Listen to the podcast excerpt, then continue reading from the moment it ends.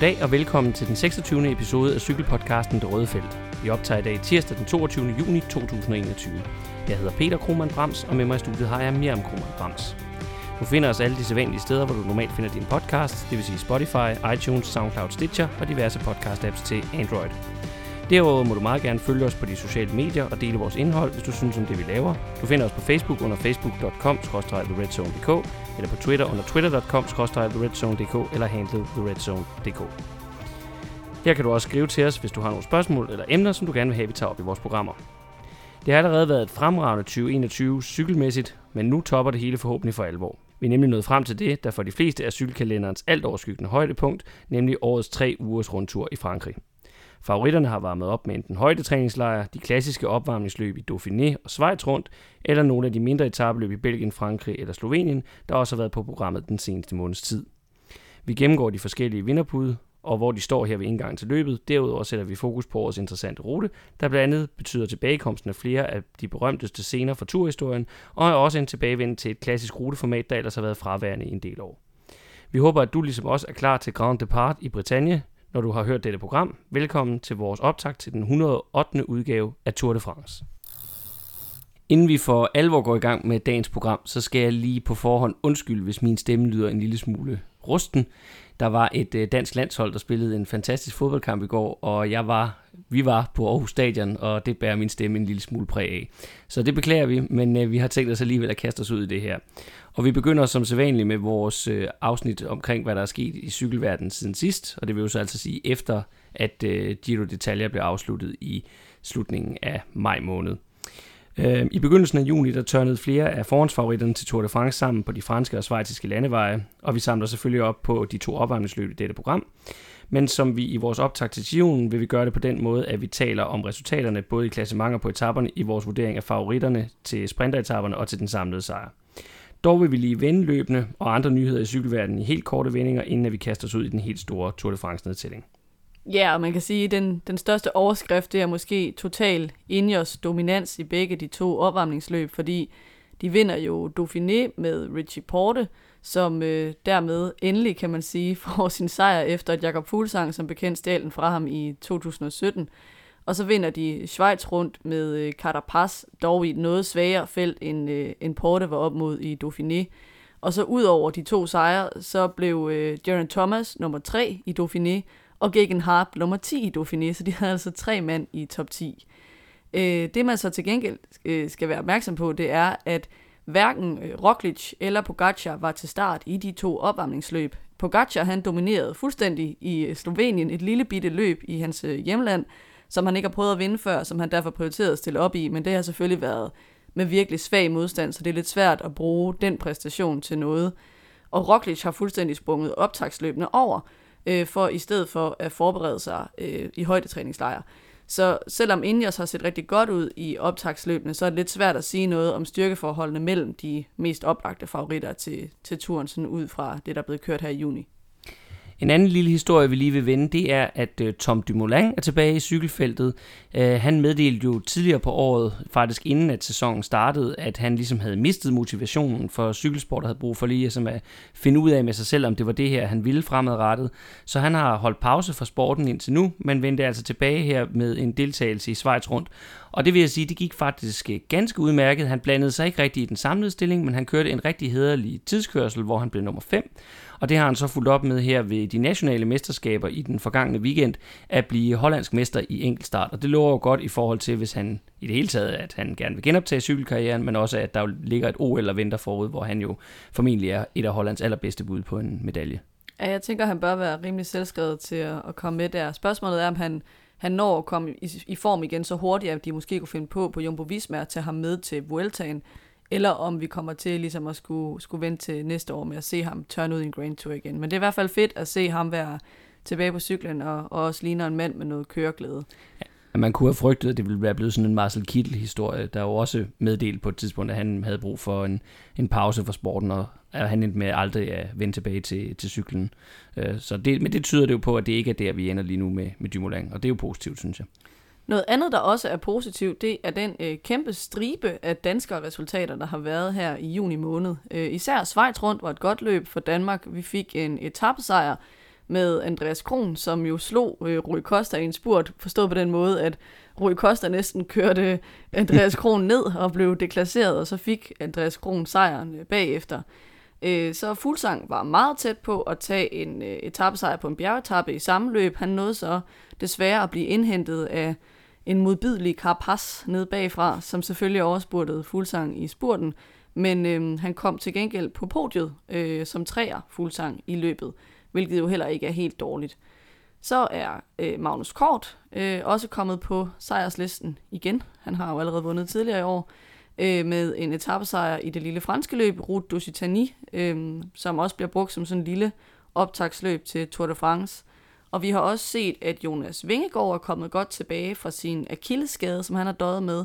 Han lavede en rimelig god enkeltstart i, øh, i Dauphiné, og så lavede han faktisk også en anden plads på en af de store øh, bjergetapper øh, fra et udbrud. Så han ligner også en mand, der virkelig er klar til at skulle køre Tour de France som luksushjælperytter for Primoz Roglic. Ja, så er der jo Kasper Askren, som lige er blevet øh, dansk mester i enkeltstart. Øh, lidt skuffende nok for Mikkel Bjerg, som jo virkelig er excellerer i den disciplin, og nok havde hovedet på, at han kunne vippe Askren af pinden, men det skulle ikke være i den her omgang. Og så fik vores allesammens randusianer, Mads Wirtz, han fik øh, taget lidt tilbage efter at den skuffelse, det må have været for ham, ikke at blive udtaget til turen, det vender vi jo tilbage til senere, men han beviste i hvert fald over for sit hold Israel Startup Nation, at øh, han er i kanonform her inden Tour de France ved at blive dansk mester på landevej. I øvrigt, en sidste historie i forhold til Danmarksmesterskaberne var, at øh, søskendeparet Norskov klarede sig rigtig godt på hver sin side. Øh, Emma blev nummer to i kvindernes linjeløb, mens Mathias tog en meget flot tredjeplads for herrene. Øh, og så har jeg lige en lille øh, nugget, en lille historieting, jeg lige vil nævne i forhold til Krons sejr i Schweiz rundt. Det er jo, at det er jo ikke første gang, at en dansker er blevet nærmest kørt i hegnet af en portugiser. Øh, det var jo sådan, at Danmarks første etappesejr i Tour de France ved Mogens Frej, den jo netop kom, da hans portugisiske kaptajn Joachim Agostinho valgte at holde fast i hans styr under en spurt, så Frej ikke kunne overhale ham. Så det der med dansk-portugisiske øh, dueller der, om etappesejre, der så ender i en dommerafgørelse, det har vi i hvert fald set før. Ja, til gengæld så kan man sige om Måns Frej, at nok så fik han etappesejren i Tour de France. Til gengæld så mistede han sin karriere, fordi problemet var jo, at han ikke ville acceptere, at det var hans holdkaptajn, der skulle vinde etappen. Så han prøvede at spurte fra sin holdkaptajn. Øh, og derfor var der ikke nogen hold, der var interesseret i at have ham på holdet efterfølgende. Så øh, det var en dyrt betalt etappesejr, kan man sige. Det må man sige, men øh, hvis vi skal vende tilbage til nutiden, så må vi sige, at der har været rigtig mange gode danske resultater herop til årets Tour de France, som vi nu vil rette vores fokus imod.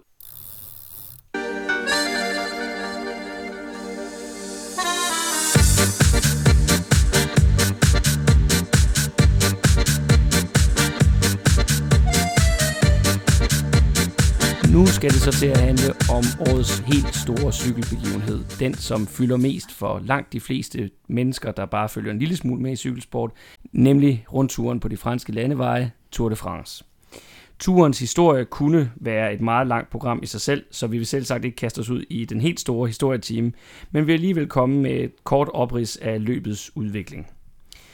Baggrunden for løbet det var den berygtede Dreyfus-skandale, hvor en fransk-jødisk officer var blevet uskyldigt dømt for at sælge hemmeligheder til tyskerne.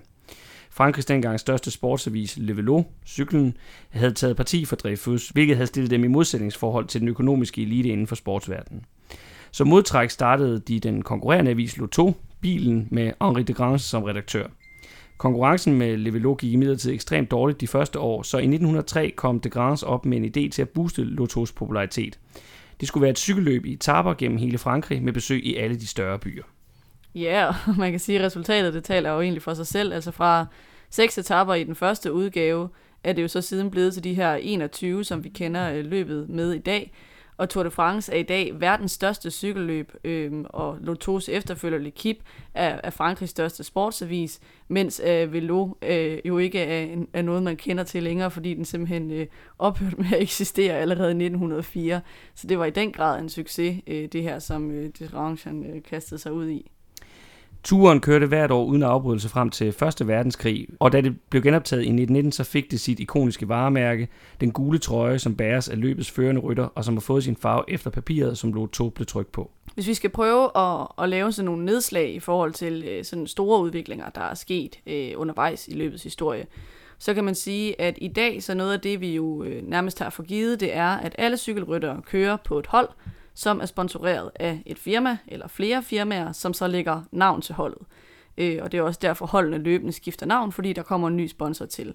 Men en af de helt store konflikter i løbets tidlige historie fra mellemkrigsårene og frem til 60'erne, den handlede netop om, hvad for en rolle firmaerne egentlig skulle spille i cykelsporten. Fordi de Grange, han havde firmaholdene.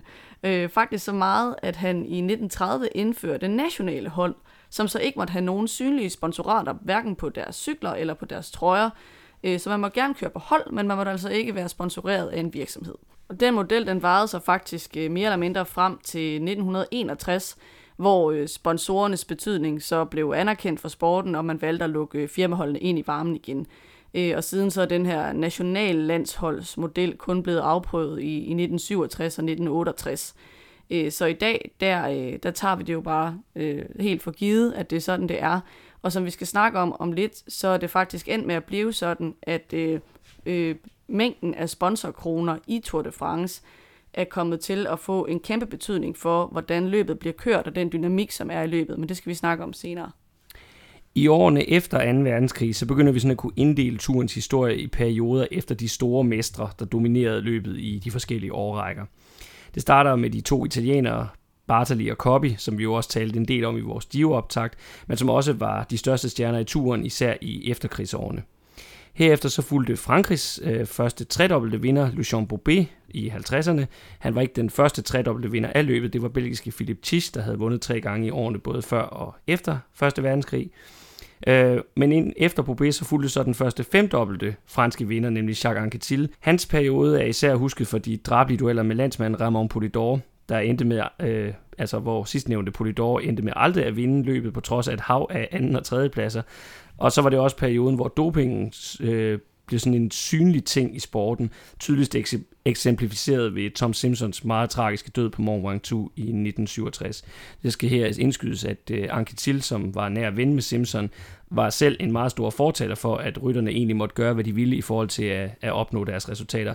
Øh, vores krop er vores egen. Det var ligesom Anke Tills øh, motto. Og øh, hvis han skulle tage øh, to ampuller amfetamin for at vinde og tre for at dø, så tog han to. Det var sådan, det, det var sådan hans indstilling til sporten og lidt også til livet i virkeligheden. Ja, han var i det hele taget en farverig og kontroversiel person. Altså, han er jo også øh, sådan notorisk for, at, at han havde det her meget specielle øh, privatlivsforhold, hvor han først var, øh, jeg ved ikke om det var kærester eller gift med en kvinde, og så bagefter blev han så kærester med hendes datter, og så boede de alle tre sammen i det samme hus. Det var en meget besynderlig ja. konstruktion. Spøjstype, det får Copy til at fremstå som sådan en ren engel ved siden af.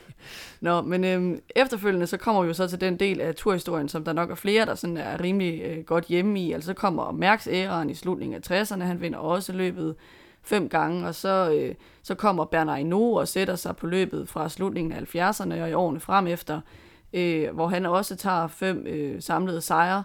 Øh, og så kan man sige, at den sidste af de sejre, han tager, den der er i 1985, ligesom markerer overgangen til en meget mere global tur. Fordi indtil det punkt, der har løbet i høj grad været øh, noget, der er blevet afgjort mellem det, vi kan kalde de klassiske cykelnationer på det europæiske kontinent, men så begyndte ryttere fra øh, den engelsktalende og latinamerikanske del af verden ligesom også at blande sig i det her. Øh, og det har jo været med til at udbrede løbets popularitet og også øh, øh, hvor mange penge der er i det, øh, til et helt andet niveau. Altså det er jo en global begivenhed i dag med Tour de France, og der er sindssygt mange penge i turen lige pludselig. Øh, Greg LeMond fra USA blev den første øh, ikke-europæiske vinder af løbet i 1986, og siden der har vi jo haft øh, flere britiske og amerikanske, også øh, endda med Bernal i 2019, en kolumbiansk sejr.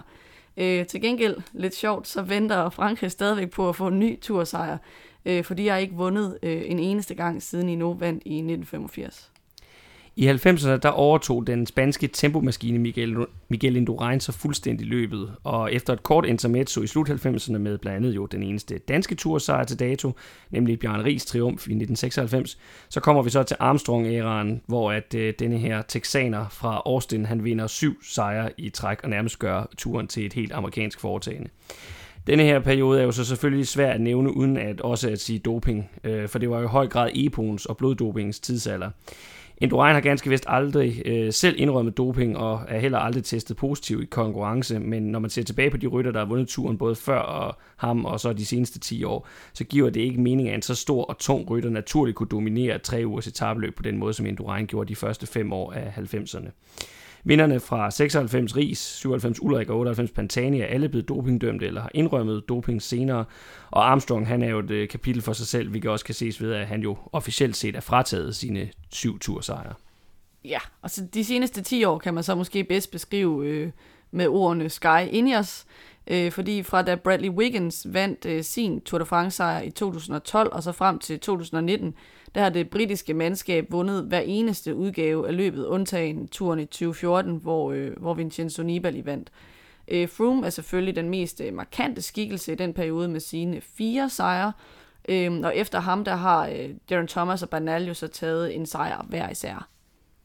Men sidste år så blev den her Sky Ineos dominans, den blev så brudt, da Banals tur, turforsvar blev spoleret fuldstændig af de to slovenere, Primoz Roglic og Tadej Pogacar, der som bekendt endte med at duellere om sejren hele vejen til bjergenkeltstarten til La Planche de Belfi på næst sidste etape.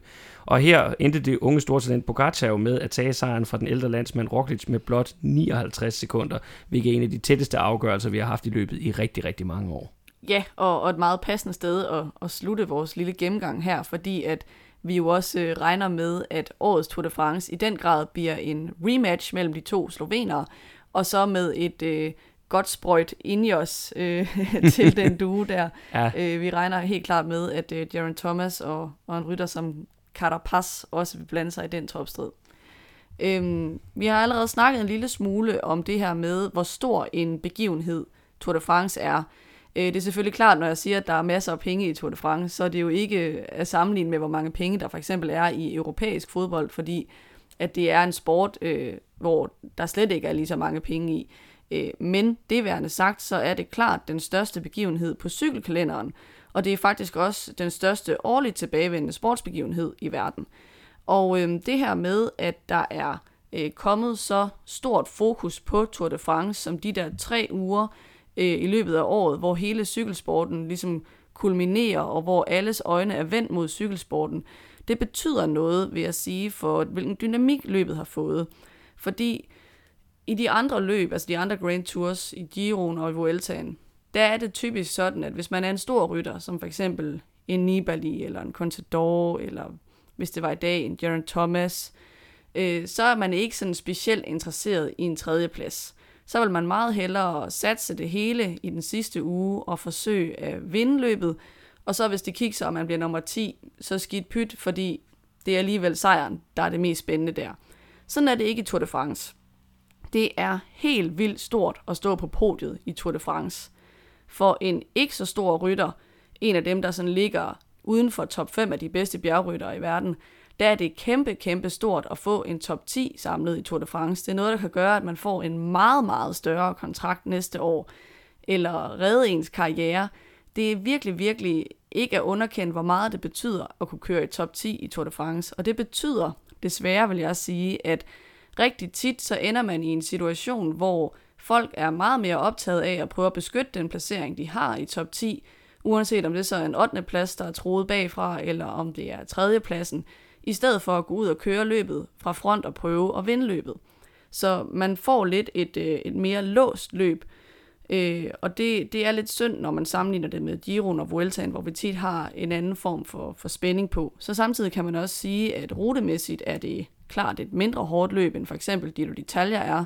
Vi har talt om før det her med, at i Giroen skal de tit op i 2.000 meters højde flere gange undervejs i løbet, hvor i Tour de France, der er det mere sådan noget med, at så er der en etape, hvor man kommer over 2.000 meters højde.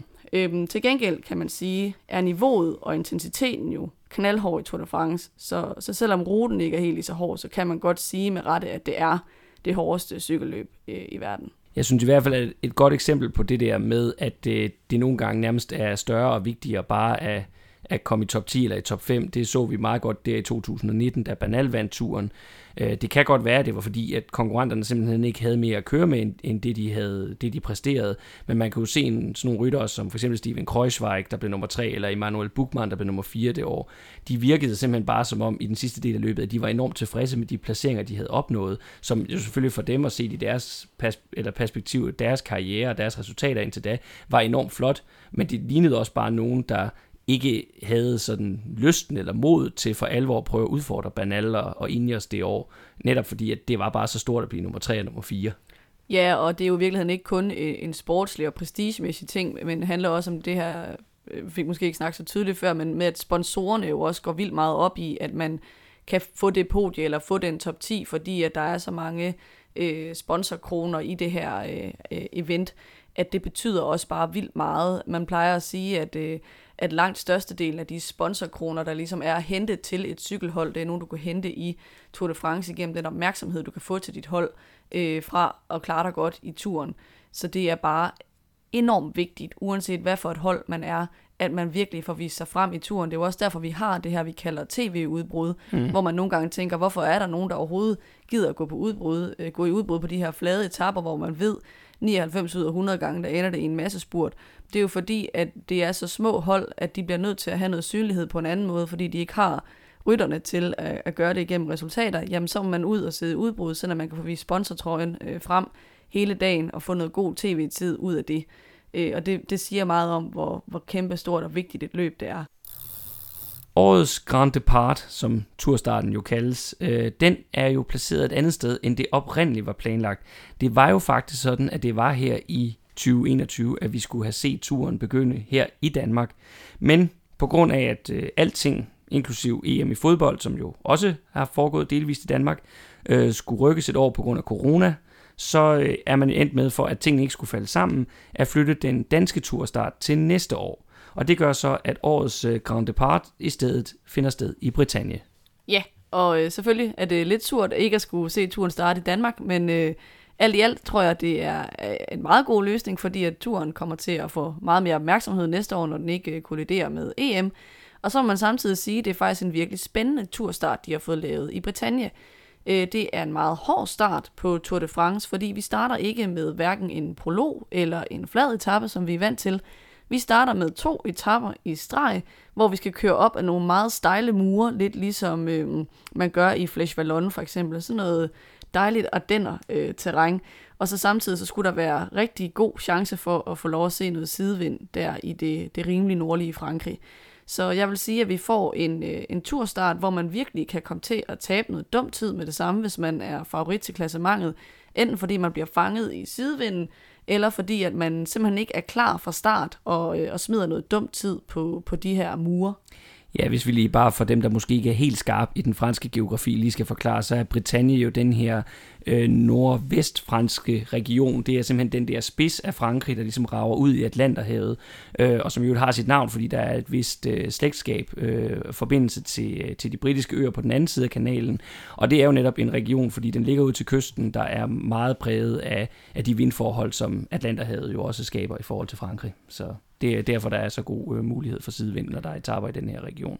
Yes. Øhm, første etape slutter på øh, Côte de la Fosse Ulup. den er 3 km med 5,7 procent i snit. Det er selvfølgelig ikke vildt meget, men den, øh, den rammer altså 14 procent øh, der, hvor den er værst. Øh, det er sådan et dag, hvor øh, det måske mest er sådan nogle Wout van Aert og øh, Mathieu van der Poel-typer, der kan håbe på at komme i den gule trøje, fordi jeg kunne godt være i tvivl om, om den er helt øh, hård nok til, at for eksempel Julian Alaphilippe øh, vil være den, der, der vinder op af den mur her.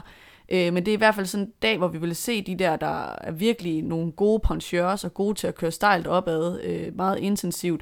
De vil kæmpe for at få den første øh, gule føretrøje. Måske også nogle af de sådan lidt mere øh, hårdføre sprintertyper, altså en Peter Sagan eller en Michael, Michael Matthews, Matthews for, for eksempel. Ja. Øh, dagen efter til gengæld vil jeg sige, kommer det til at ligge godt til Alaphilippe, fordi der skal de op af Myrte Bretagne, som øh, minder lidt om Myrte som vi kender fra forårsklassikerne. Så det er sådan en, øh, en kort, men meget, meget stejl finalestigning, øh, som sidst øh, var med i Tour de France i 2018, hvor Dan Martin vandt etappen, og det siger også noget om, hvad for en hårdhed det er, vi er ude i. Øh, så vi kan sagtens øh, komme til at se øh, trøjen skifte mellem de to dage, selvom etaperne minder lidt om hinanden, så det for eksempel er en, en Van der Pol, der kommer i den, øh, den første dag, og så overtager en, en Alaphilippe eller en Michael Woods den måske på anden etape. Øh, og så vil jeg sige, at det bliver jo også øh, en tidlig indikation på, hvem har ramt formen i tide. Øh, fordi hvis man som favorit i forvejen måske ikke er helt vild med, øh, med de allerstejleste øh, mure, øh, Øh, det har vi nogle gange set Roglic ikke være så glad for, for eksempel. Og man så oven i købet måske ikke er sådan 100% endnu, så kan man altså godt ende med at smide et sted mellem halvt og et helt minut i løbet af de her to etapper til sammen. Og så er man jo kommet øh, på bagkant fra start af. Hvis vi skal gå videre til at kigge lidt på sådan fordeling af etapetyper i årets Tour de France, så kan man sige, at øh, der er otte etaper undervejs, som kan kategoriseres som decideret flade, og dermed dem, som er mest oplagte til at blive dueller mellem sprinterne. Øh, turen er jo også højdepunktet på kalenderen for de hurtigste folk i feltet, og øh, det gælder jo ikke mindst i forhold til den sidste etape, paradeetappen ind til Paris, øh, som slutter på Champs-Élysées, som jo er et af, af de helt store øh, triumfer for sprinterne. Det vil vi også vende tilbage til senere. Men i alt altså i hvert fald otte etaper, hvor vi kan forvente, eller i hvert fald regne med, at sprinterholdene, hvis de har energien og overskud til det, vil forsøge at holde det samlet til sidst, sådan at de hurtige folk kan få lov at duellere om etappesejren. Derudover så er der syv etapper, vi vil kategorisere som deciderede bjergetapper, men en væsentlig forskel i hvert fald i forhold til Gion, som vi jo har haft i år, som jo også havde, øh, havde lidt flere bjergetapper, det var også, at øh, der var flere bjergetapper i Gion, der sluttede med en stigning, altså hvor de sluttede på toppen af en stigning. Det er der ikke så meget af i årets tur faktisk. Faktisk er der kun tre etaper, hvor man slutter op ad et bjerg til sidst. Og det vil vi også komme ind på, at det kan jo også igen skabe et lidt andet type løb i forhold til, hvad, øh, også i forhold til, hvor, hvor meget duel vi vil få, og, og hvor nemt det bliver at udfordre en eventuel førende rytter, hvis først han har, han har taget den gule trøje. Endelig så er der to enkeltstart undervejs. Det giver et samlet antal øh, tidskørselskilometer på i alt 58. Og det er faktisk sammenlignet med, hvad vi har set de senere år, rimelig meget enkeltstart. Turen har øh, de senere år været præget af ret få enkeltstartskilometer, og der har typisk også været en, en bjergenkeltstart undervejs, som vi for eksempel så sidste år på, på næst sidste etape. Men i år har vi altså selvfølgelig ikke sammenlignet med, hvad man så i for eksempel 90'erne, hvor der var rigtig, rigtig meget enkeltstart, men stadigvæk en, en for tiden og for ikke mindst turens øh, nyere historie meget øh, enkeltstartstung rute. Ja, og det er selvfølgelig klart, at det kan være en ulempe for, for lettere rytter, sådan som øh, David Gody og Carapaz for eksempel, fordi at de vil komme til at tabe tid på de her enkeltstarter. Men jeg vil så sige, når man kigger på, på toppen af favoritfeltet, så synes jeg ikke, det er noget, der på nogen måde er ødelæggende for øh, spændingen om, hvem der kommer til at vinde, fordi de tre øh, topfavoritter, vi har til løbet, Pogacar, Roglic og Jaron Thomas, af alle tre ryttere, som både har en fænomenal enkeltstart og er gode til at køre i bjergene. Så jeg synes faktisk bare, at, at det giver den ekstra dimension til løbet, at vi får lov til at se dem konkurrere øh, benhårdt imod hinanden i begge terrænger, hvor, øh, hvor både bjergene og enkeltstarten kommer til at have en, en væsentlig rolle at spille.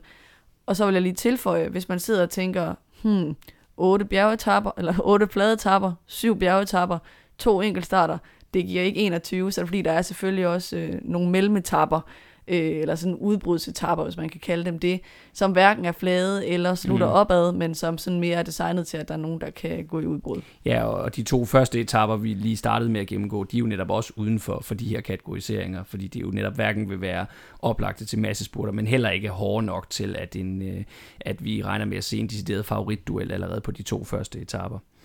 Jeg vil lige øh, kort øh, også lige komme med en pointe omkring selve opbygningen af ruten i år, hvor det der jo sådan ligesom karakteriserer den er, at vi har bjergetaperne placeret omkring øh, overgangen fra U1 til U2, og så igen fra U2 til U3, og så har vi de her to øh, rimeligt øh, lange og flade enkeltstarter, hvor den ene er altså placeret på næst sidste etape.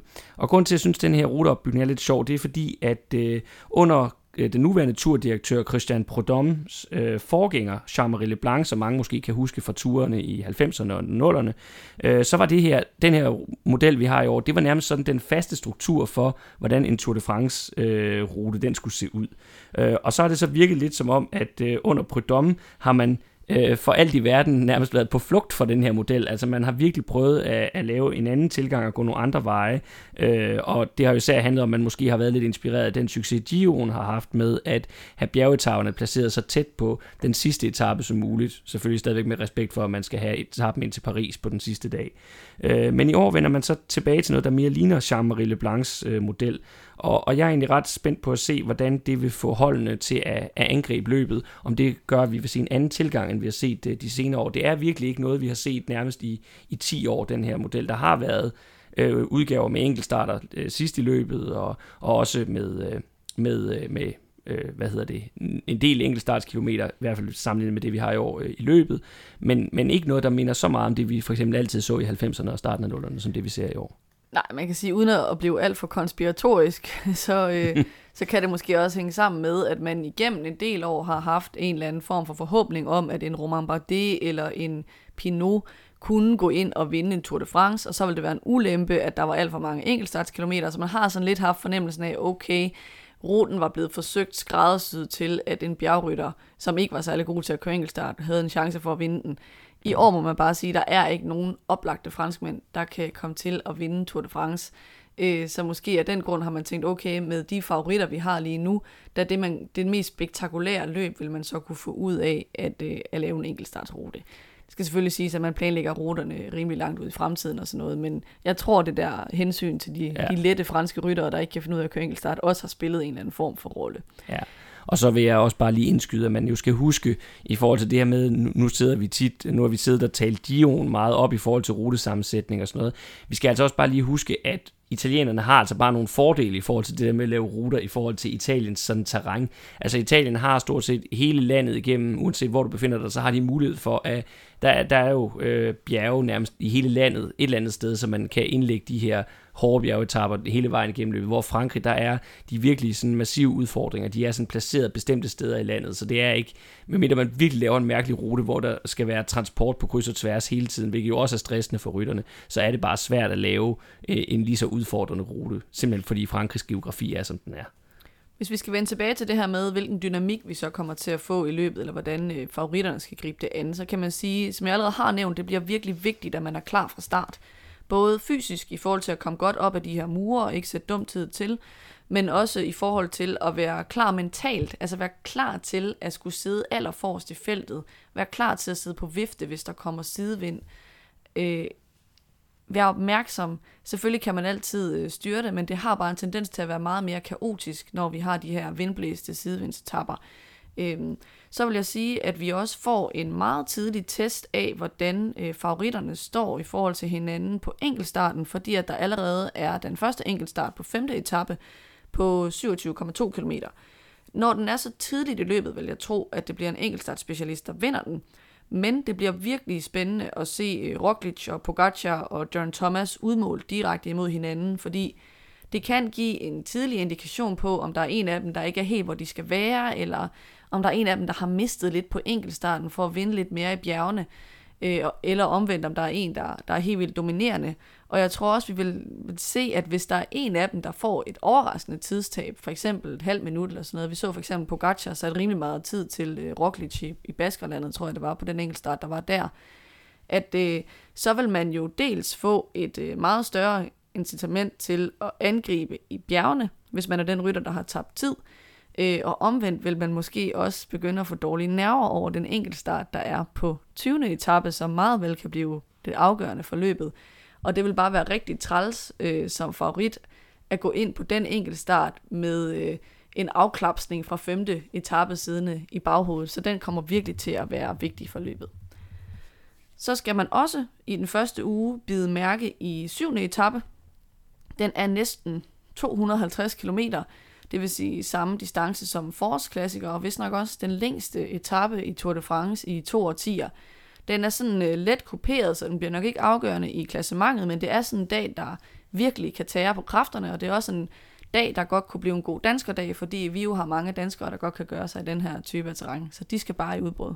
De første reelle bjergetapper, de kommer på 8. og 9. etape, hvor vi er nået frem til Jurabjergene, som er sådan den her lille bjergkæde, der ligger lidt nord for, for Alperne her i det østlige hjørne af Frankrig.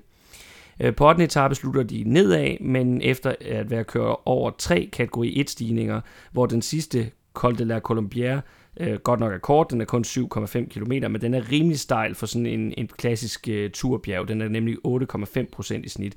Det er en øh, klassisk turstigning. Den var også med på ruten sidste år, hvor vi faktisk havde mål på toppen af den, og hvor Pogacar blev øh, dagens etappevinder. 9. etape, den slutter så op til Tinje, som er mere lang end stejl. Det er en 21 km lang stigning med en gennemsnitlig stigningsprocent på 5,6. Men inden da, så har de altså været over en kategori 2 stigning, en kategori 1, et bjerg uden for kategori og en kategori 2 stigning. To af de her bjerge, Col du Pré og Comet Roseland, de kommer lige i træk.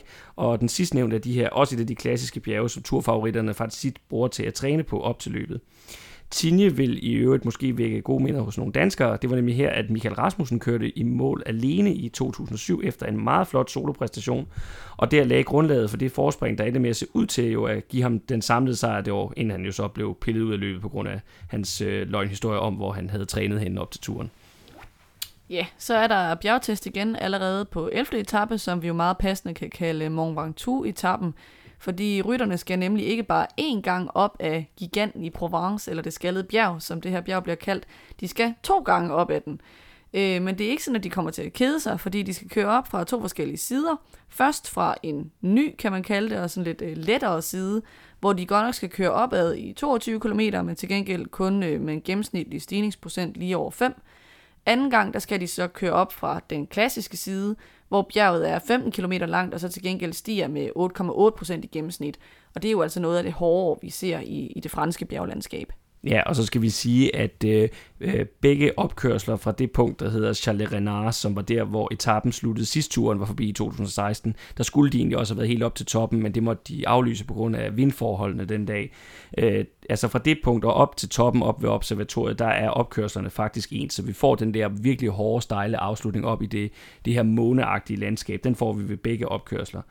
Etappen slutter så godt nok nedad i år. Det er et øh, eksperiment, man har prøvet tidligere, men jeg mener ikke, det har været i brug siden 1994.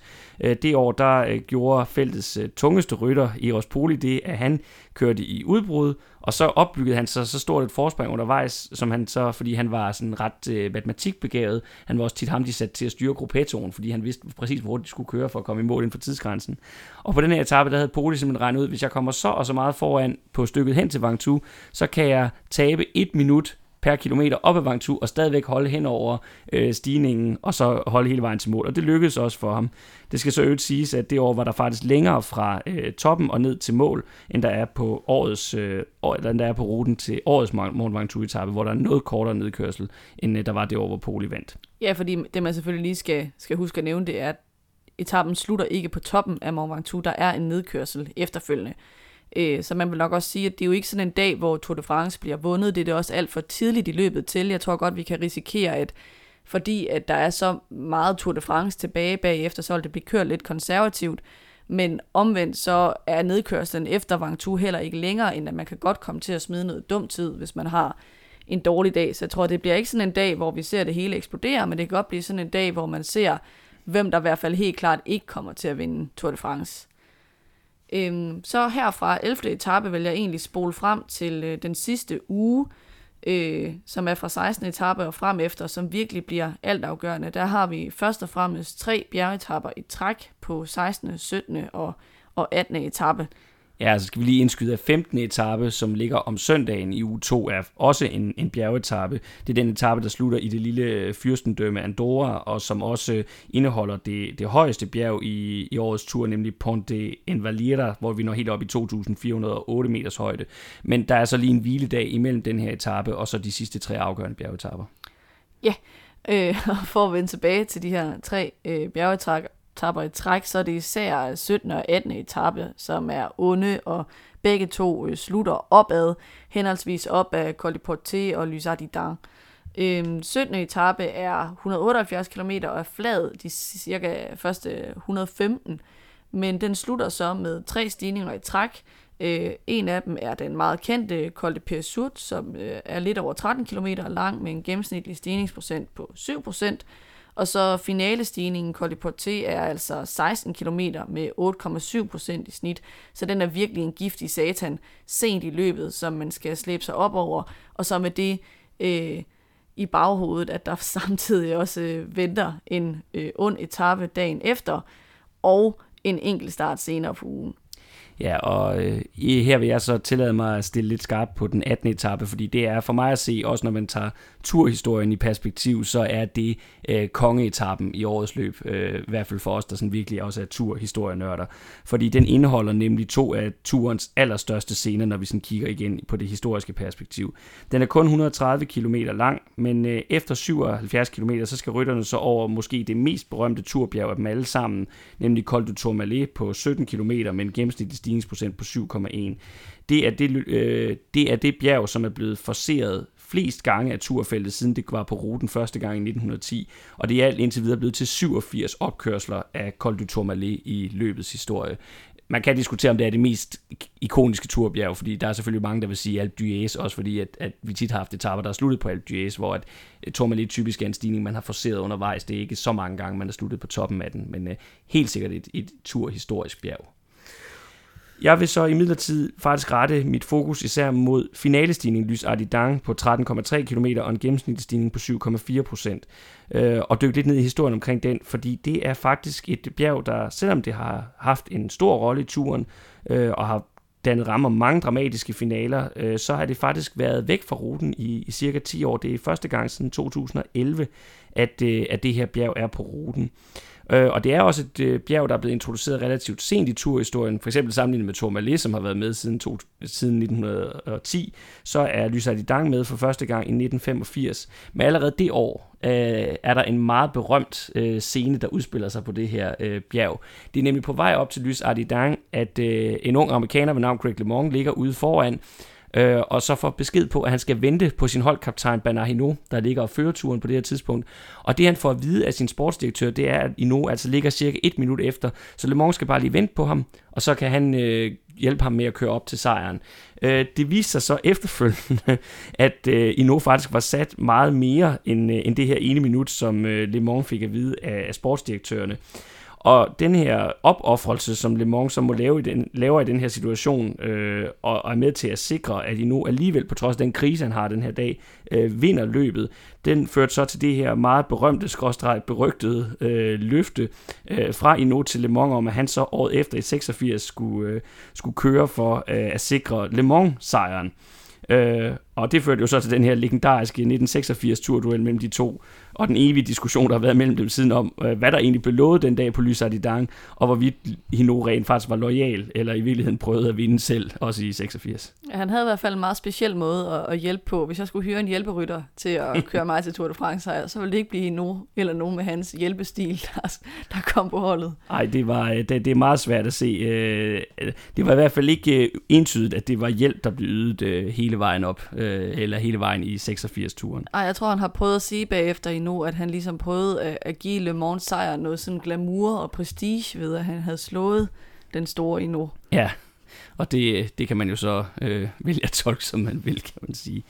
Øh, jeg vil lige fremhæve to andre berømte finaleafslutninger på Lys Dang. Øh, den første, det er, så fra 1900, øh, det er så fra 1990, hvor Le Mans i øvrigt igen spiller en rolle, for det var her, han iførte øh, verdensmestertrøjen meget flot i scenesatte et stort angreb på den etape, der sluttede på Lys Dang, og som var med til at sikre ham, at han kunne tage den samlede sejr, fordi han den dag tog så meget tid på den, øh, det års store overraskelse, italieneren Chiapuzzi, der ellers førte løbet på det her tidspunkt. Der var dog den lille detalje, at øh, i det sidste sving, der blev Le Mans så fuldstændig kvæst i kampen om etappesejren, af en på det tidspunkt stadigvæk lidt mindre kendt øh, stor spanier ved navn Miguel Indurain, der satte ham fuldstændig i det sidste sving og vandt etappen, hvilket i øvrigt skulle vise sig at blive Miguel Indurains sidste regulære etappesejr i turen. Alle de fem år, hvor han så selv vandt løbet, der, øh, der vandt han kun enkeltstarter. Så det er også en lille sjov detalje.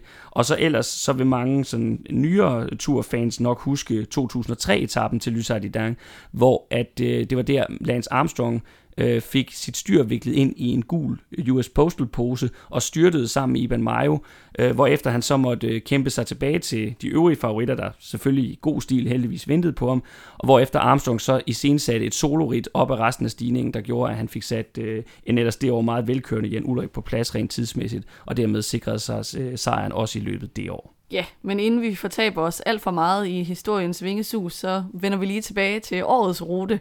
Øh, du siger det her med, at den kun er 130 km lang, den her sidste store bjergetappe, og det synes jeg faktisk er rigtig fedt, fordi vi har set øh, de senere år, hvor man har eksperimenteret med de her meget korte bjergetapper, at der får man virkelig smæk for skillingen, fordi at man ikke på samme måde som favorit sidder og bange for, at man går sukkerkold, og det bliver en lang dag, at man skal køre 200 km. Det er bare ud over stepperne, og hvis der er nogen, som øh, har tabt tid, øh, som de skal indhente, eller regner med, at de taber tid på enkeltstarten, så skal de ud, og de skal måske ikke bare ud og angribe i bunden af Lysardidang, måske de skal køre allerede på Tourmalet, for virkelig at kunne tage noget tid på deres konkurrenter. Så jeg tror, man kan forvente sig meget af den her etape. Det er i hvert fald en etape, der skal udnyttes, hvis man er en Roglic eller en Pogacar eller en Jaron Thomas, der er kommet lidt bag af, af dansen. Fordi jeg tror, vi kan være rimelig sikre på, at de vil alle tre gå benhårdt efter sejren, og så være ligeglade med, at de satser hele butikken og, øh, og så måske mister podiet. Og det er så jo det, der kan gøre, at vi ikke får problemet i år i Tour de France med, at folk de vil øh, være uvillige til at, at, at, at satse hele butikken, fordi at vi har tre så store navne, som mangler sejren, enten en sejr ekstra eller den første sejr. Øh, en Jaron Thomas tror jeg ikke er, er specielt interesseret i en tredjeplads, for eksempel. Øh, når man efter den her etape, der får de jo så øh, en flad dag til at hvile benene, hvor sprinterne så til gengæld får en belønning for at være kommet over tre bjergetapper i træk og får lov til formentlig at køre en sprinteretappe. Og så går det så løs med de her 30,8 km enkeltstart fra Libourne til Saint-Emilion, hvor vi nok skal have turen afgjort. Ja, der er jo lige igen en sjov detalje omkring øh, målbyen Saint-Emilion. Det var også øh, den by, der var målet for den øh, cirka dobbelt så lange enkeltstart på næste dag af turen 96, hvor Bjørn Ries faktisk pludselig kom lidt under pres fra sin unge løjtnant Jan Ulrik, der hentede hele 2 minutter og 18 sekunder på sin kaptajn den dag. Ja, og jeg tror, øh, vi kan, vi kan virkelig vente os meget af den her enkeltstart med at se øh, de tre favoritter, hvis vi går ud fra, at de alle sammen stadig er i løbet og ligger til, målt direkte ud mod hinanden. Det er jo sådan en enkeltstart, hvor man kommer ind med totalt tomme ben, så det bliver også meget øh, afhængig af, hvor meget har man tilbage i tanken? Er man ved at gå lidt ned, eller har man timet den perfekt, så man er i topform i tredje uge? Der vil også være noget mentalt i det, hvis man ikke føler sig ovenpå, eller hvis man er en Roglic og bange for, at historien skal gentage sig, og man igen taber det hele på gulvet, ligesom han gjorde sidste år, øh, så vil jeg også tro, at de alle tre vil have det sådan, at de ikke har tillid nok til deres enkeltstart til at tænke, at de helt sikkert kan vinde den her. Så jeg tror, de alle sammen vil prøve at bruge bjergetapperne til at vinde tid på hinanden, sådan at man kan gå ind med måske et minuts forspring øh, til de andre, fordi vi så sidste år, at at selv hvis man er en rigtig god enkeltstartsrytter, så kan man godt lige pludselig bare bløde tid på sådan en, øh, en enkeltstart slutningen af løbet, hvis man selv har dårlige ben, og konkurrenten har drømmeben. Så jeg tror virkelig bare, at vi kan få en mega fed tredje uge. Nu er vi så nået til en øh, del af programmet, som vi har valgt at kalde danskerne i løbet, og dem, der ikke er der. Øh, og det er selvfølgelig de danske ryttere i årets tur, vi skal snakke om primært. Så vi starter også med en af dem, der er til start, og det er vores allesammens Jakob Fuglsang, øh, som vi jo er vant til nok er det største sådan klassementsnavn, øh, set med danske briller, når vi snakker Tour de France.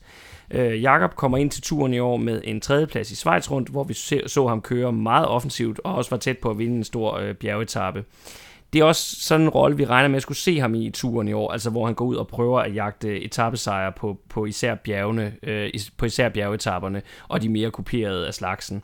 Øh, og det er fordi, at Jakob har meldt meget klart ud, at det er OL, der er hans store mål i år, så derfor så kommer han ikke til at gøre forsøget med at prøve at køre efter det samlede klassement. Og en del af det er jo så også, at han gerne skal tabe noget tid tidligt i løbet, så han kan få lov til at gå ud og, og gøre sig i de her øh, udbrud og de her forsøg på at vinde en bjergetappe udefra, fordi at, øh, det er klart, hvis han ligger godt til, så er han stadigvæk så god en rytter, og så vil de største favoritter selvfølgelig ikke lade ham, øh, selvfølgelig ikke give ham, give ham mulighed for at slippe afsted. Ja, og, og han skal jo også tænke sig om med, hvilket terræn han går i udbrud øh, i, fordi han bliver nødt til at have noget, der rutemæssigt er så hårdt, at han kan sætte de andre udbrydere af. Fordi vi så jo senest her i Schweiz rundt, han har svært ved at vinde i en direkte duel mod andre ryttere, fordi han har ikke nogen specielt god spurt. Så han skal nok øh, sørge for at, at lægge sin angreb an i bjergene. Måske på en bjergetappe, der slutter nedad. Han har faktisk en god nedkørsel. Ja. Og så sats på, at han kan udnytte terrænet til at komme alene til mål han er i hvert fald i god form, så man kan jo håbe på en dansk etappesejr fra Jakob Fuglsang. Ja, man kunne måske endda sige, at den der syvende etape, som er så lang, og hvor der alligevel er lidt stigninger undervejs, det ville måske være et oplagt sted at sætte lidt tid til. Også fordi der er han nok ikke den, der vil komme hjem i en gruppe og så være den bedste i en spurt. Og så er der jo allerede en, en, etape dagen efter, der slutter nedad, hvor han måske har en god chance. Og så er spørgsmålet jo også, om han vil give det skud på de der to muretapper. I hvert fald på nummer to af dem, fordi vi har jo set ham før i Ardennerne gøre det godt. Øh, og køre top 3 i, i Flesh Vallon, ikke? Så, ja, han er faktisk blevet nummer to jo. Der var jo det, det år, hvor han kørte rigtig godt, hvor han vandt Liège. Der var han faktisk nummer to efter Alaphilippe på Mur de Huy. Så Mur de Britannia er bestemt også en mulighed, helt sikkert. En dansk rytter, vi til gengæld ikke kan regne med en etappesejr fra, tror jeg ikke, men som godt kan få en hovedrolle alligevel, det er Jonas Vingegaard, som jo virkelig har været en af sæsonens helt store danske åbenbaringer. Han kører for Jumbo Visma, vi så ham køre rigtig flot i Vueltaen som hjælperytter sidste år. Så i år har han bare virkelig gjort det godt, øh, når han har fået lov at køre sin egen chance. Vi så ham vinde en etappesejr i UAE-tur tidligt i året. Vi har set ham vinde øh, Copa øh, Bartal i løbet øh, samlet. Han blev nummer to i det meget prestigefulde Baskerlandet rundt, hvor Roglic blev etter, og hvor han igen kørte rigtig flot i en hjælperrolle for Roglic. Så øh, da Tom Dumoulin valgte at tage den her pause fra cyklen, og derfor ikke øh, skulle med til turen alligevel, der var det jo meget, meget oplagt, at det så var Vingegaard, der skulle ind og overtage hans rolle. Det blev selvfølgelig ikke i en en-til-en form, fordi at man havde nok regnet med, at Dumoulin skulle ligge øh, til i klassementet og være en beskyttet rytter, men han kommer til at være en virkelig vigtig brik i det, man sådan kunne kalde øh, Jumbo Visma-toget i bjergene, hvor vi jo er vant til at sidde og se dem i sådan en uh, stil øh, på ræd række, hvor de så bliver kørt af i sådan en raketformat øh, en efter en. Og der er noget af det, der bliver spændende at se, det er selvfølgelig, øh, hvor sent de kommer til at skyde Vingegård af. Jeg vil umiddelbart byde på, at han kommer til at skulle bruges øh, før Sepp Koss, men øh, til gengæld også altså så være nummer tre rytter. Jeg tror ikke, at, øh, at de kommer til at holde ham inde i klassementet. Det vil selvfølgelig være drømmescenariet som dansker, sådan at hvis Roglic flopper, at det så var Vingegaard, der skulle have lov til at køre øh, sin egen chance og forsøge at lave en top 10. Jeg tror, de kommer til at køre benhårdt øh, for Roglic, men det bliver alligevel fedt at se Vingegaard sidde der og være med til at sætte... Øh, sætte Roglic op i bjergene. Ja, man kan vel forvente, at det bliver lidt samme rolle, som han havde i Vueltaen sidste år, men det jo så bare bliver på en større scene nu, fordi det er i turen, og det jo bare er større end, end Vueltaen. Øh, den næste dansker, jeg vil snakke om, det er Mads Pedersen. Øh, han kom jo rigtig godt fra start i år med sejren i Køren Bryssel Køren, men han har så ikke vundet noget øh, siden. Han viste jo sidste år, da han kørte i verdensmestertrøjen, at han har et øh, talent for at gøre sig i massespurterne. Og der er jo otte sprinteretapper i år, og jeg tror, at øh, Trek vil køre for ham i al, på alle de her etapper og køre hans chance. Øh, sidste år der lavede han to andenpladser i hvert fald, og den ene, det var jo på Champs-Élysées. Så han har jo bevist, at han kan det her, også når det er på de allerstørste scener mod de bedste ryttere. Og det gør jo så nok også, at når han vil være deres prioriterede rytter i de scenarier, så må hans, øh, hans gode venner, faste marker og øh, Jasper Støjven, han må så øh, tage chancen på de lidt mere kuperede etapper, hvor han, fordi han ikke er helt så tung som Mads Pedersen, og heller ikke helt så hurtig, øh, nok er bedre egnet til at, til at gøre sig der. Øhm, lige omkring Mads Pedersens optag, kan vi sige, at han udgik desværre af kriterium de Dauphiné med efter et styrt, men øh, det skulle ikke være noget, noget alvorligt, eller noget, der skulle have sat ham afgørende tilbage i forhold til turen. Nej, vi så ham jo i hvert fald køre i Danmark rundt. Det var så ikke i nogen hovedrolle, fordi han sad i den her favoritgruppe, der ligesom aldrig kom ind i løbet nede mm. bagved. Øh, men øh, jeg tror godt, vi kan regne med, at han er rimelig meget i topform. Det var Danmarks mesterskabet, du mente, ikke også? Jo, ikke verdensmesterskabet. Ja, du sagde, du sagde Danmark rundt. Nå, Danmark rundt, okay, ja. det var ikke helt det. Nej. Nej. Øh, en, der til gengæld helt sikkert er i topform, det er Kasper Askren. Han er jo lige blevet Danmarksmester i enkeltstarter. Han ser bare brølstærk ud. Han kommer ind til Tour de France med masser af selvtillid fra sin fuldstændig fantastiske forårsklassiker-kampagne med sejre i tre og Flanderen. Og ham tror jeg, at vi skal holde øje med, både på de lidt mere kuperede etapper, hvor jeg tror, han vil få lov til at køre i udbrud og køre sin egen chance.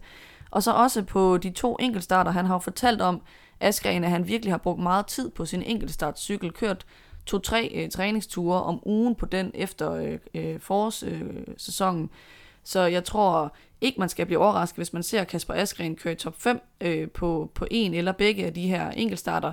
Og jeg tror faktisk også, at han selv drømmer om, at han måske endda kan vinde en af dem. Han er virkelig blevet god på enkeltstarten. Og så, øh, så kan man jo godt selvfølgelig være bekymret for på Quickstep, bliver der plads nok til ham? Det er vi heller ikke helt enige om, men altså min vurdering er, at han med den flotte øh, kampagne i foråret er kravlet så højt op i hierarkiet, at selvom der er en Philippe og et sprintertog, der skal passes, så de dage, der ligger godt til ham, der kommer han til at få lov til at køre for sig selv. Ja, vi må se, der er jo også, øh, altså det er jo spørgsmålet, hvor meget kommer Ala Philippe til at fylde i forhold til de etapper, hvor Askren også kan gøre sig, gøre sig. Jeg er helt med på, at, at i forhold til enkeltstarterne, tror jeg gerne på, at han skal få lov at køre sin egen chance, men det er lidt det her med, at, at Ala Philippe er bare, han er verdensmester, han er på hjemmebane, så, så spørgsmålet er, hvor, hvor meget plads Askren får på for eksempel sådan en etape som syvende etape, som han måske vil kunne gøre sig på. Den, jeg, jeg tror nok, den er lidt for hård til ham faktisk i virkeligheden, men, øh, men det er i hvert fald noget, der bliver spændende at følge op. Forhåbentlig set med danske briller, så, så får han lov at køre sin egen chance. En, der får lov at køre sin egen chance, men hvor vi nok ikke helt ved, hvor meget vi skal forvente af ham, det er Søren Krav, der stiller op for DSM-mandskabet. Øh, han skal jo forsøge at finde de gode ben, som han havde under sidste års tur, hvor det blev til to meget flotte etappesejre. Og det er også hans rolle i år igen at skulle gå ud og jagte de her enkelt endags præstationer, hvor han jo var helt eminent sidste år. Men Søren Krav har haft en meget, meget svær sæson, og vi har lidt diskuteret det her med, om øh, han har tidligere talt om, at han har det svært, når han, øh, når han er under pres. Og måske er, at det, der er sket sidste år, er, at, at at, at han ganske vist fik tanket noget selvtillid, men også fik tanket noget pres, så at sige. Altså han fik lagt øh, pres over på sig selv i kraft af de præstationer, han lavede sidste år, og det har han så måske haft svært ved at, at følge op på i år.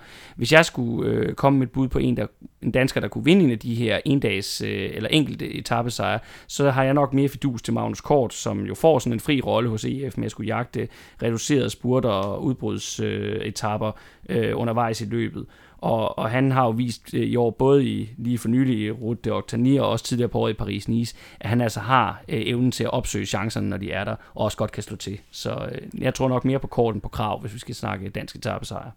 Hvis vi så skulle vende en, der kunne levere en overraskelse, så vil jeg sige øh, Michael Valgren. Altså det er meget svært at blive klog på, hvor godt kørende han er, synes jeg. Jeg synes, at øh, han efterhånden ligner en mand, der er på vej i form. Altså han kørte flot øh, i Danmarksmesterskabet, hvor han blev femmer, og virkelig kom i en god jagt nede bagfra. Hvis han lige var kommet op til den her trio, der lå i front lidt før, så tror jeg, han havde vundet spurten.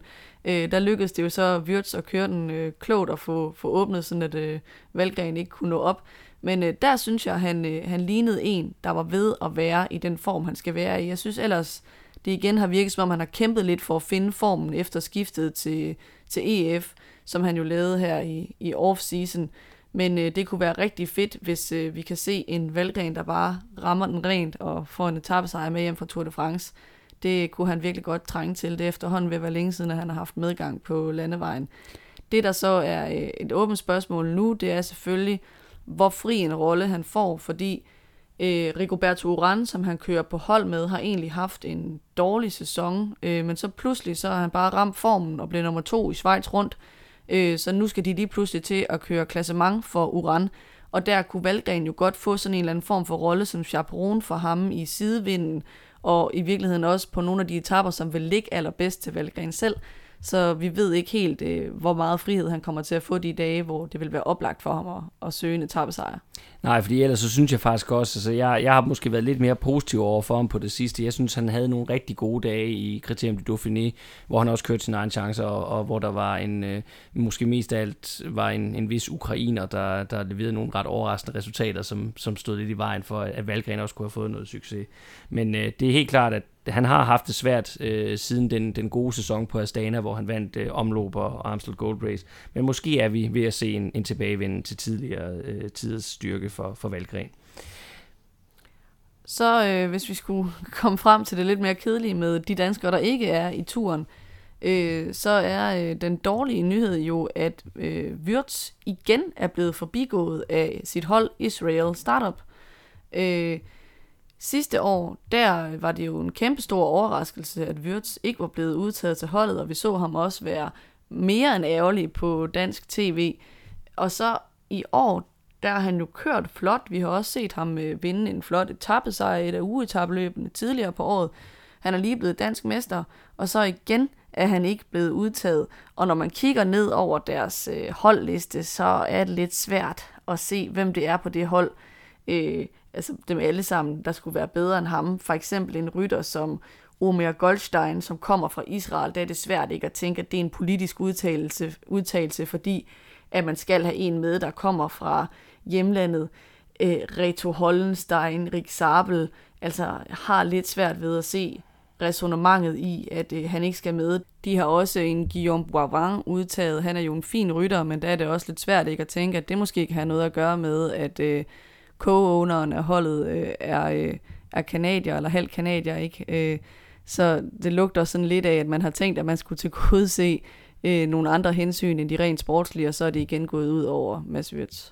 Ja, i virkeligheden også øh, med al respekt for hans karriere og hans tidligere resultater, altså øh, gode gamle André Greibel. Altså, det er jo ikke en mand, der har lavet, jeg ved godt, han har vundet et enkelt, et, et enkelt sejr i år, men det var i et meget, meget lille etabeløb, et meget reduceret, øh, meget reduceret, meget, øh, meget øh, øh, lavkvalitetspræget sprinterfelt, så jeg er ikke, jeg er ikke, altså heller ikke ham kan jeg umiddelbart se, hvad, hvad gør på det hold bedre, end en masse Wirtz ville kunne gøre i den her tur. Så helt enig, det er, det er meget, meget skuffende, at han ikke skal køre Tour de France i år. Og, øh, hvis jeg var Mads Wirtz, så ville jeg kigge mig om efter et nyt hold til næste sæson, hvor han kan få lov mere af, af hvor han kan få lov at udleve sine ambitioner mere, end, end tilfældet er hos Israel. Det er ærgerligt, specielt i betragtning af, at det jo faktisk er et hold med, med en øh, ret nordisk præget ledelse og Nicky Sørensen som sportsdirektør, men det er åbenbart ikke nok til, at Mads Vyrs kan få den plads, som han egentlig fortjener.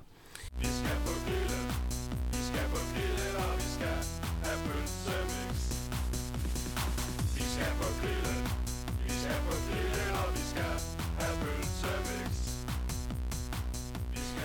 Til sidst så vil jeg lige nævne øh, nogle af de øvrige danskere, der er med i løbet. Der er nemlig et par stykker mere, der er med, og det er sådan nogle navne som Michael Mørkøv, Kasper Pedersen, Christoffer Juliensen og Mikkel Bjerg.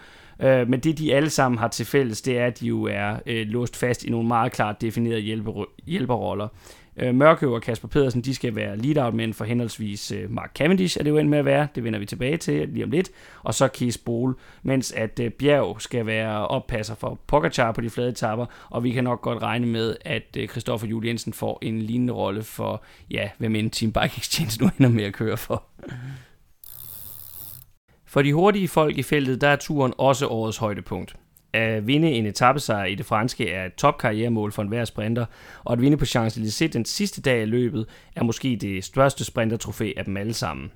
Det kunne man dog også sige om løbets grønne pointtrøje, som i turen næsten altid ender hos en af de hurtige typer. Så lad os derfor starte dette afsnit med den forsvarende vinder i pointkonkurrencen fra sidste år, eller rettere, det skal vi jo så ikke.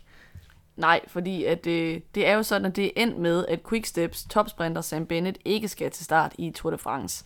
Og det er måske også det mest oplagte sted at starte øh, den her diskussion, nemlig med hele den polemik og det drama, der har været omkring, hvem der skulle øh, sidde øh, forrest eller bagerst, om man vil, i øh, Quicksteps sprintertog, og, øh, og ligesom forsøge at vinde øh, sprinteretappesejr til Quickstep i Tour de France. Fordi øh, længe er der jo blevet spekuleret i, om en knæskade ville holde Sam Bennett ude af Tour de France, og om man så måske skulle sende den aldrende Mark Cavendish, der har en kæmpe comeback-sæson øh, kørende for sig, øh, afsted til turen i stedet for. Øh, så øh, kom øh, manageren Patrick Lefebvre så med den indvending, at Cavendish jo altså kører på en minimumskontrakt, hvilket er altså fuldstændig absurd taget bestragtning, hvor stor en stjerne han er. Øh, og at hvis han skulle til turen, så ville det kræve en genforhandling af den kontrakt. Øh, Øh, så blev Bennett meldt klar, og knæet var i orden. Det skete her i sidste uge, og der skulle ikke være noget der, og Cavendish fik at vide, at han skulle blive hjemme, og det tog han meget pænt. Og så pludselig her i går, så blev det meldt ud, at Bennett han skulle altså alligevel ikke øh, køre Tour de France, fordi han følte stadig, at han havde ondt i knæet, og han havde sagt et til den ene fysioterapeut og noget til en anden, og så havde han selv opsøgt en fysioterapeut i Monaco udenom holdet, og så var der noget med et fly, der var forsinket, og så var han ikke på flyet alligevel, og Patrick Lefebvre var tydeligvis meget træt af Sam Bennett og har været ude at sige, at øh, han tror, at han har mindre ondt i knæet og mere en form for fear of failure, som Lefebvre har kaldt det, altså en frygt for, at han kommer til at, at gøre det dårligt. Øh, så nu er det altså endt med, at Bennett bliver hjemme, og Cavendish øh, tager afsted, men man kan sige, at det er jo ikke den optimale måde at udtage sin sprinter på, fordi det kunne ikke øh, være specielt meget mere klart, at Cavendish ikke har været førstevalget, og, og noget vi jo ved, det er, at man som sprinter bare har mega meget behov for at have selvtillid. Øh, det værende sagt, så kan man sige, at Cavendish har jo kørt den bedste sæson i mange år. Det har virkelig været godt for ham at komme tilbage til Quickstep. Han har allerede øh, flere sejre under bæltet i år. Det har så godt nok været i rimelig små løb, men øh, han, øh, han burde have rimelig meget mere selvtillid, end han plejer, og han kommer jo til at have verdens bedste sprintertog og verdens bedste lead-out-mand i form af Michael Mørkøv til at køre sig frem. Han får måske øh, 7-8 øh, muligheder, ikke hvis øh, alle de flade etapper ender i en sprint. Så det bliver virkelig spændende at følge, om han bare kan vinde en etape mere. Han mangler jo fire for at tangere øh, Mærks rekord for flest etappesejre, men bare det, at han kunne komme først over stregen en gang, vil være totalt meget kronen på værket på den her comeback-sæson for ham. Ja, det bliver meget, meget spændende at følge. Også fordi vi må sige, at en af grundene til, at Cavendish kører på den her minimumskontrakt, og en af grundene til, at, at, øh, at han, det er så vildt, det han har præsteret i år, det er jo, at for det første har han nået en alder, som er meget, meget høj for en sprinter, og så må vi jo bare sige, at de sidste mange sæsoner har han ikke leveret varen, øh, så øh, der er ingen tvivl om, det er allerede er enormt flot, den er præsteret i år, men nu skal han jo så altså op mod dem, der nu er de aller, aller største og aller, aller hurtigste rytter i verden. Så det er meget, meget spændende at se, hvor, hvordan han kan gøre sig i, i det felt. Også selvom vi ved, hvor gode Quickstep er til at levere deres sprinter, så er det jo altså ikke. Så havde det nok på papiret været øh, selvfølgelig så fremt han havde været klar, været, været mere sikkert at have Sam Bennett som, øh, som mand, man kørt for. Der kan jo også være noget der omkring det faktum, at Bennett formentlig ikke bliver hos Quickstep øh, til næste år, men, men skifter væk fra holdet. Øh, og det er jo også noget, der, der i et eller andet omfang desværre før har vist sig at spille en rolle i de her trupudtagelser. Ja, på nær, det var helt tydeligt, at Lefebvre gammel har haft, at Bennett skulle køre turen. Ja, ja, så det, bestemt, det tror jeg faktisk bestemt, ikke spiller ind. Bestemt. Øh, et andet hold, der har haft noget drama omkring deres sprinterudtagelse, det er Bora, som har valgt at udtage øh, Peter Sagan, men ikke supersprinteren Pascal Ackermann, hvilket kun bliver mere sjovt af, at Ackermann jo er tysker, ligesom holdet er. Øh, men de har simpelthen meldt ud, at øh, Ackermann, han har ikke niveauet eller formen til at køre Tour de France, hvilket Ackermann så selvfølgelig er rigtig skuffet over, han givet udtryk for. især fordi, at han i sin kontrakt mener, han er blevet lovet, at han skulle have lov til at stille op i Tour de France hvert år, mens han kørte på holdet. Øh, og der går til gengæld rygter om, at det er fordi, at Ackermann skifter væk næste år. Han bliver rygtet til øh, UAE lige nu. Øh, det man kan sige, det er, at han har ikke nogen sejre i år, men han har dog været tæt på og sådan kørt nogle top 3 hjem. Øh, så jeg kan godt forstå, at øh, han er skuffet, Pascal Ackermann.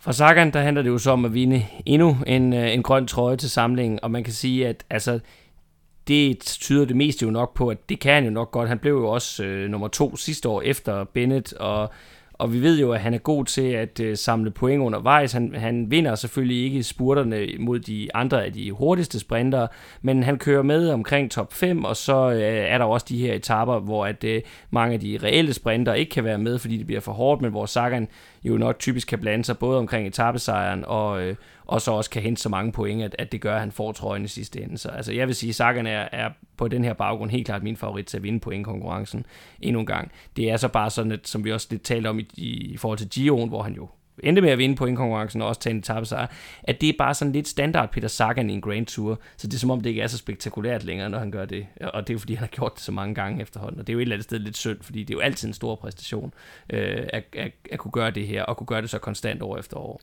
Jeg vil så også sige, at jeg tror, at der er nogle gode udfordrere til ham i år, i form af af ryttertyper som Michael Matthews, i virkeligheden også en Demare, som øh, er okay mm. til at sidde med. Øh, det kan vi snakke om, om, lidt, når vi kommer til de ryttere. Ja, og måske endda også den næste rytter, hvis altså han vælger at køre hele løbet igennem, fordi med Sam Bennett skade, så må øh, Caleb Ewan fra Lotto, øh, den, den lille australier, han må være favoritten til at være den hurtigste rytter i feltet, i hvert fald på papiret.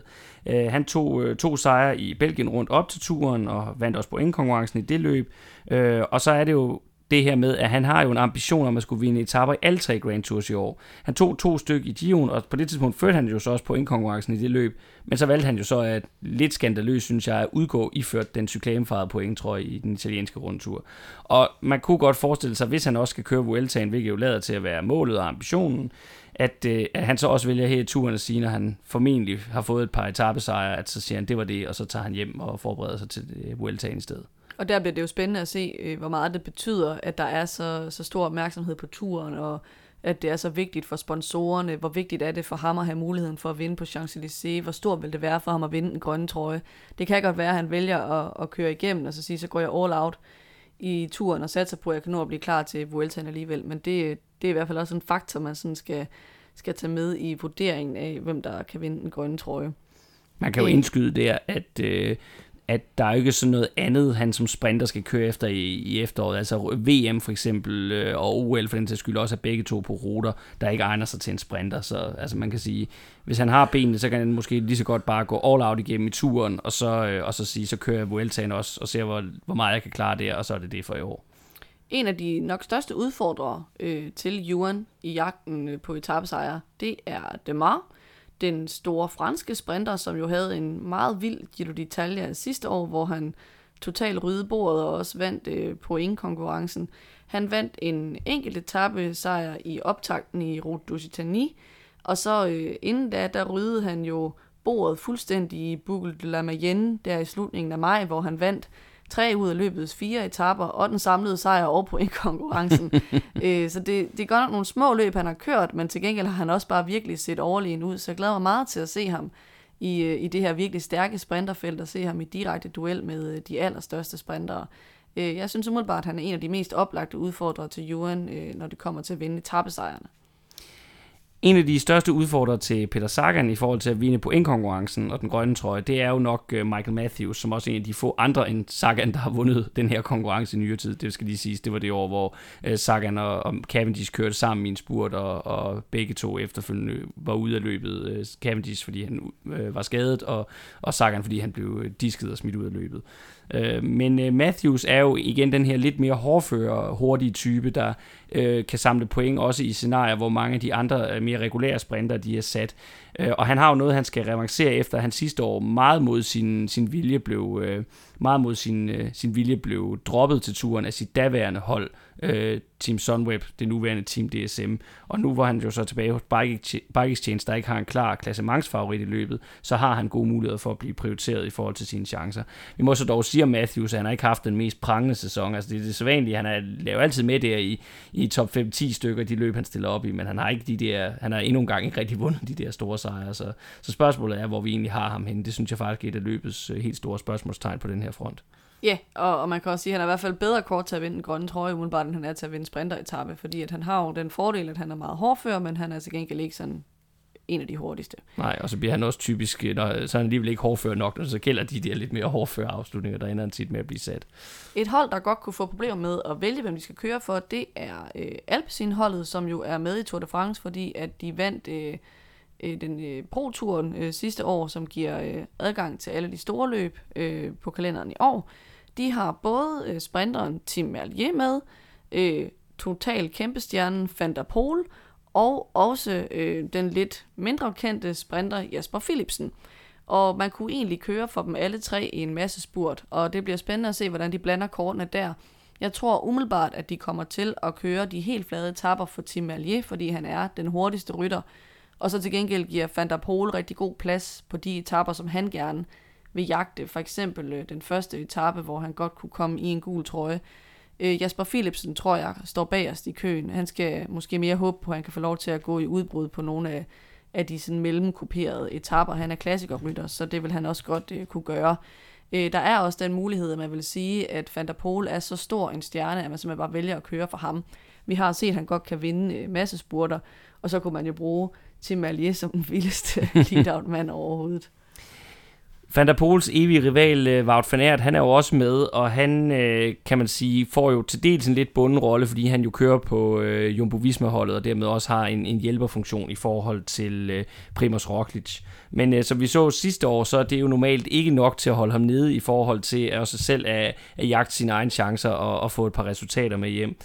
Det der er med Van det er, at han siden forårsklassikerne har været ude med en blindtarmsbetændelse, og han har faktisk ikke kørt løb siden, at han vandt Amstel Gold Race. Så det er svært at sige også på den baggrund, hvor, hvor meget vi skal regne med for ham. Jeg vil dog sige, at han umiddelbart beviste her lige op til turen, at øh, formen ikke fejler noget, for han er nemlig lige blevet belgisk mester, så øh, jeg tror nok, vi skal se øh, Van spille en eller anden rolle i det her løb. Så er der en, øh, en masse mindre oplagte favoritter, men som alligevel bør nævnes, som vi lige kan tage helt kort her. Der er franske Christophe Laporte. Han er ikke en rendyrket sprinter, men han kan være en giftig herre på de lidt hårde dage i en reduceret spurt. Øh, lidt samme type som en Sagan, faktisk bare ikke lige så god selvfølgelig. Så er der en øh, Sonny Colbrelli fra Italien. Daytona bliver han jo kaldt af sin fanklub. Han kommer ud af Dauphiné med en etappesejr og tre andenpladser. Han er i total superform og også lige blevet italiensk mester og kommer til at køre i den italienske mestertrøje. Så han kommer både ind med øh, selvtillid og kæmpe motivation. Han er måske lidt som Laporte, ikke en helt rendyrket sprinter, men øh, jeg tror godt, han vil kunne hive en enkelt sejr med hjem, hvis han har lidt held i sprøjten. Og han er også en ryttertype, der i princippet godt kunne være i spil til den grønne trøje, fordi han er lidt mere hårdfør og kan sidde med nogle dage, hvor andre bliver sat. Med udgangspunkt i det, vi så i sidste års tur, så bliver vi lige nødt til også at nævne norske Alexander Kristoff, som også er med for UAE-holdet. Men vi må også være ærlige og sige, at øh, han faktisk har været totalt usynlig i den her sæson, og ikke rigtig har, har nogen øh, resultater endnu på CV'et for i år. Øh, og han var også helt væk i Kriterium de Dauphiné, hvor han ikke rigtig viste noget som helst. Så det er svært at vide, hvor vi har nordmanden, men vi må også bare sige, at han plejer at have en tendens til bare lige pludselig at være klar, når det, når det drejer sig om Tour de France. Så lad os se, hvad det bærer hen af med, med ham. Han er selvfølgelig også noget lidt op i årene efterhånden, men øh, man skal aldrig helt afskrive Kristoff, slet ikke når vi snakker turen. Så skal vi også lige nævne Kees Bol. Det er nok øh, DSM's bedste bud på en sprintersejr. Han har en etappesejr fra Paris-Nice i år, som mange måske husker, fordi at han var så træls at slå Mads Pedersen i en sprint den dag. Øh, Udover den etappesejr har der så været lidt langt mellem snapsene for ham. Øh, den der sprint, han vandt i Paris-Nice over Mads Pedersen, det var sådan en let opadgående afslutning. Øh, og jeg kunne også godt forestille mig, at det er sådan en dag, han skal slå til. Sådan en dag, hvor, hvor folk virkelig er møre, og hvor det ikke så meget handler om topfarten og om at være placeret rigtigt, men mere handler om virkelig at have udholdenheden i den der type spurt. Også fordi jeg synes, vi nogle gange har set, at han har en tendens til at være dårlig til at placere sig og tabe øh, sin lead-out-mands jul. Øh, det er jo i øvrigt også en herlig dansker, øh, øh, der har den rolle på det hold.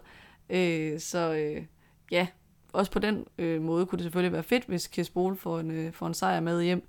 Øh, men ellers så, så kunne man jo også håbe, at Kasper Pedersen nogle dage får lov til at køre for sig selv, i stedet for at bare være lead mand.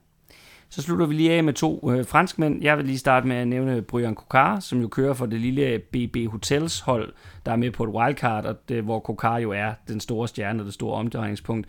Han har heller ikke vundet nogen sejr over, men han har kørt en stribevis af top 5 placeringer hjem i, i afslutninger på både regulære spurt og også nogle gange de her lidt mere øh, hårdføre afslutninger. Han, han er også en lidt lettere rytter end, end for eksempel en Caleb Ewan eller en Arnold Demars, og også en, der blander sig nogle gange i lidt mere reducerede afslutninger.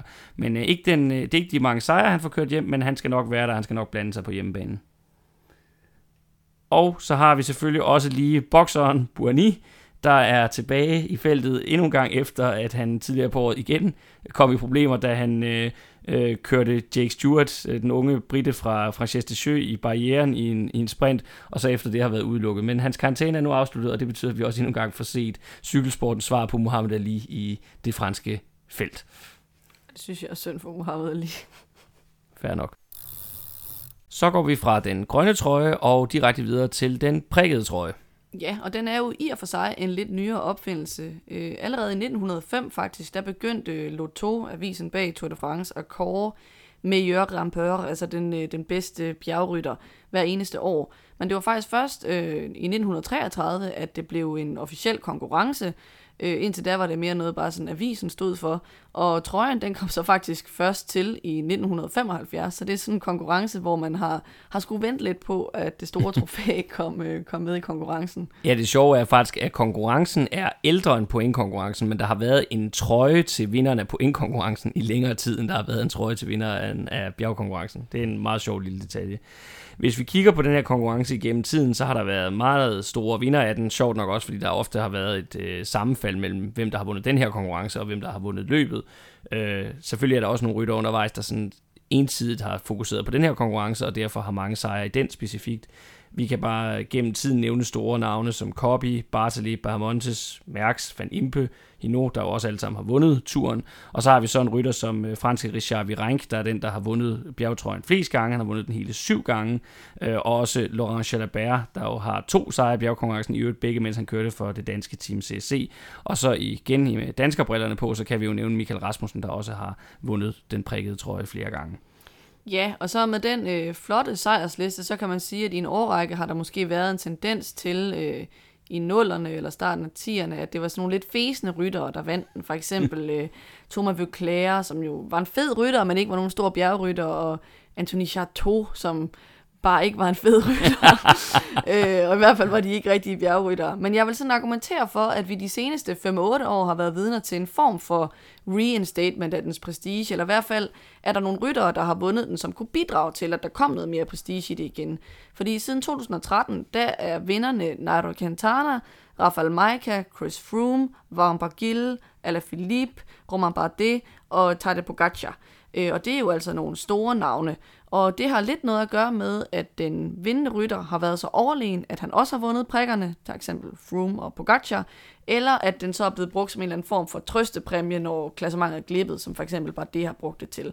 Men jeg vil sige, det betyder alligevel noget, at det er rigtige bjergryttere, der vinder den igen.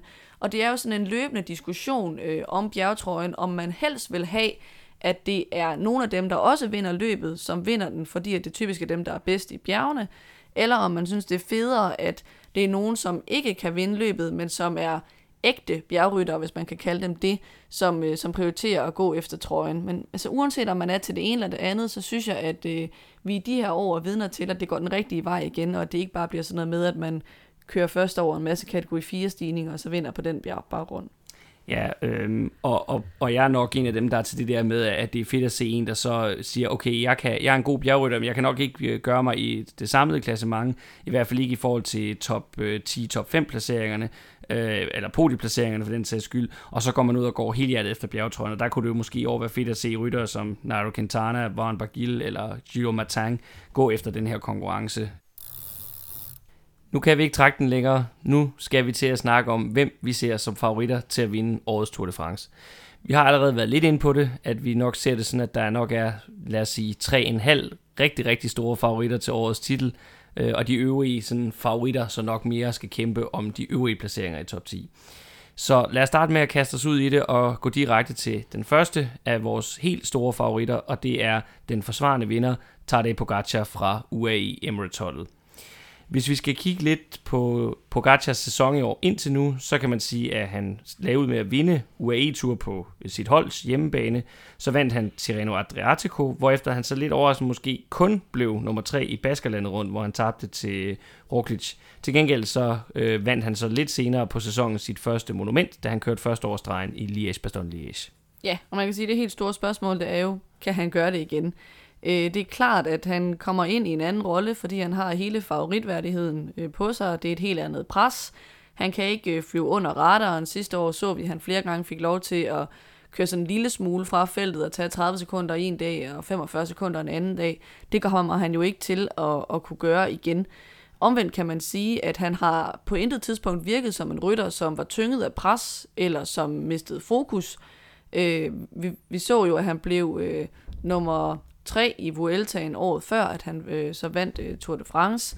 Øh, så der var jo en naturlig progression der, hvor han sådan ikke virkede tynget af, at der, der kunne være lidt mere pres på ham af den grund. Øh, og samtidig har vi også set, at han bare jo har været totalt fokuseret øh, hele sæsonen, kom ud som lyn og torden, øh, hvor man nogle gange har set folk, der har vundet Tour de France, måske har har spist rigeligt med julemad hen over vinterpausen og taget lidt på og sådan øh, sådan virker Pogacar overhovedet ikke. Han virker meget tændt på, at han skal ud og vinde øh, en Tour de France mere. Det man kan sige, at han har af fordele i forhold til sidste år, det er, at holdet virkelig har investeret i at få flere øh, hjælpere ombord. Blandt andet har de jo signet øh, Rafael Maika, han får også øh, Formulo med.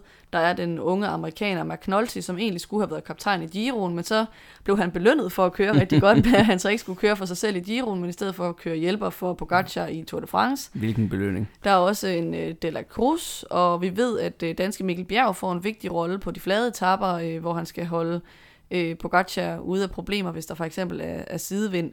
Øh, samtidig ved vi jo fra sidste år, at han kan klare sig selv, men det er i hvert fald ikke noget, han kan være træt af, at holdet er meget bedre i år til at støtte op om ham.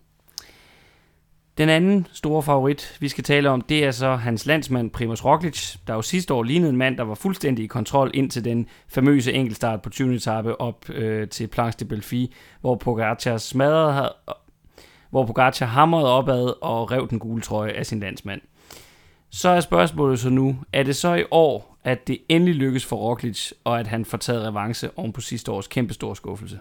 Ja, jeg synes, man kan vente om at sige, at det bliver nok næsten nødt til at være i år, når man tænker på øh, Roglic's alder sammenlignet med øh, Pogacars alder, Bernals alder, Evenepoels alder.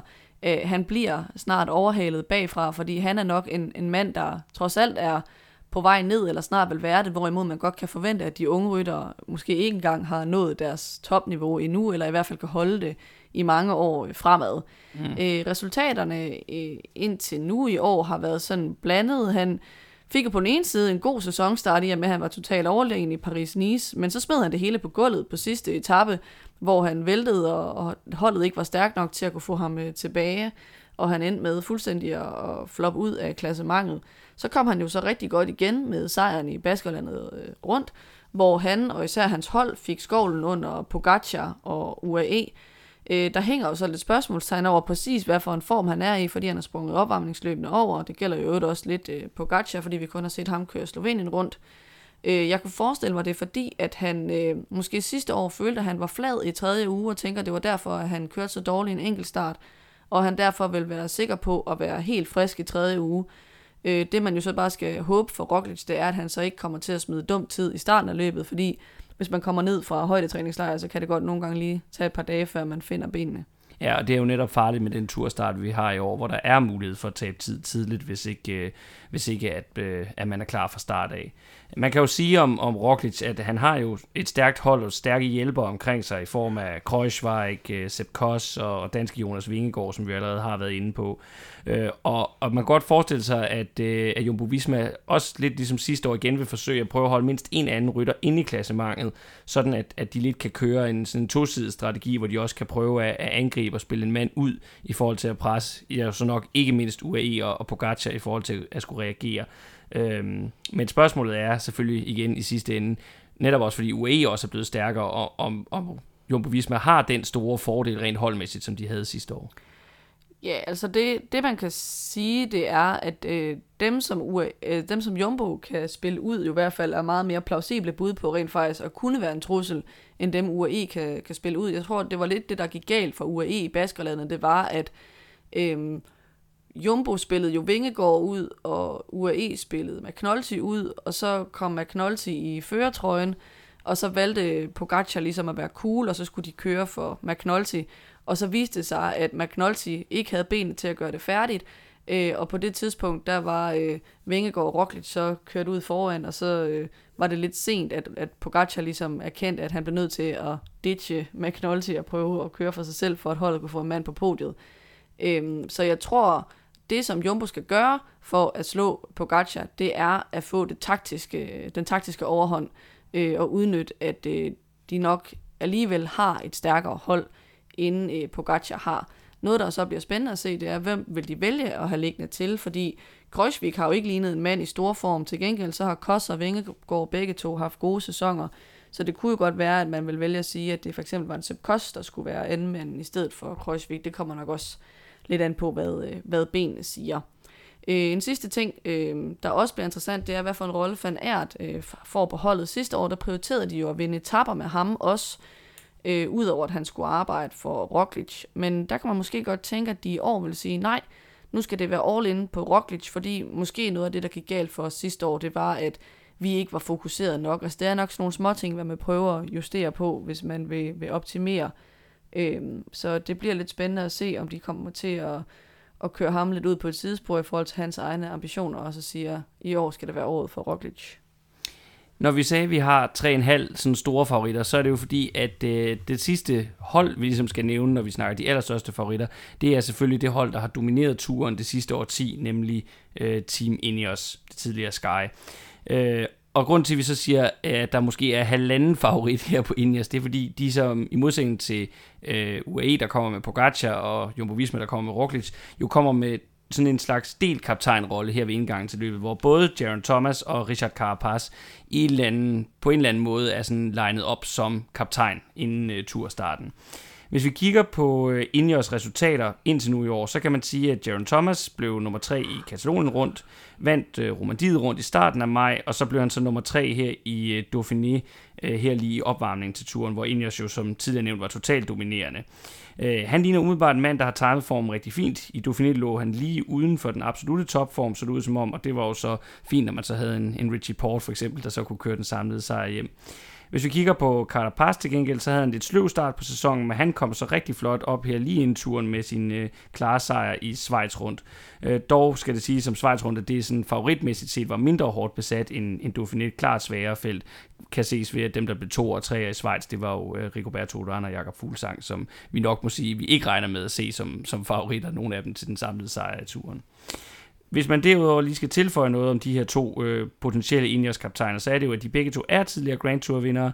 Carapaz øh, vandt Giroen i 2019, det var så mens han kørte for Movistar, mens at Jaron Thomas jo altså vandt Tour de France tilbage i 2018. Ja, måske lige sige i forhold til Jaron Thomas og hans tredje plads i Dauphiné, så mener jeg, at han også blev sat lidt tilbage af et styrt. Øh, og det måske også var en medvirkende årsag til, at man så, så endte med at køre for, køre for Port i stedet for. Øh, nå, men hvorom alting er, så kan man sige, at det er jo lidt øh, interessant det her med, at de faktisk har to tidligere Grand Tour rytter, øh, vindere på, øh, på holdkortet, men alligevel for første gang i mange år øh, ikke stiller op med løbets absolut største favorit, øh, fordi at, at man bare regner med, at slovenerne er den smule stærkere. Det kan selvfølgelig være, at, øh, at en rytter som Darren Thomas kan gå ud og overraske, men umiddelbart så vil jeg tro, at de kommer til at have det problem, at Jaron Thomas måske kan matche slovenerne på enkeltstarten, men ikke kan sidde med dem i bjergene, og at Carapaz måske øh, i hvert fald vil have nemmere ved at sidde med dem i bjergene, øh, men til gengæld kommer til at smide tid til slovenerne på enkeltstarten. Og jeg kunne godt have min tvivl, om han kan køre fra dem i bjergene. Vi så jo i Vueltaen øh, sidste år, hvor han kørte op mod Roglic, at han faktisk havde svært ved at sætte øh, Roglic i bjergene, og også nogle dage blev sat af Roglic. Øhm, så jeg har lidt svært ved at se, hvor det er, de skal, skal slå slovenerne. Hvis de skal gøre det, så tror jeg, vi er ude i sådan noget, eller at det skal være en team effort, hvor de skal udnytte, at de har så stærkt et hold. For de har jo ikke bare Jaron Thomas og Carapaz, de har også Port, der lige har vundet Dauphiné, og de har Tau Gegenhardt, som vandt Giroen sidste år.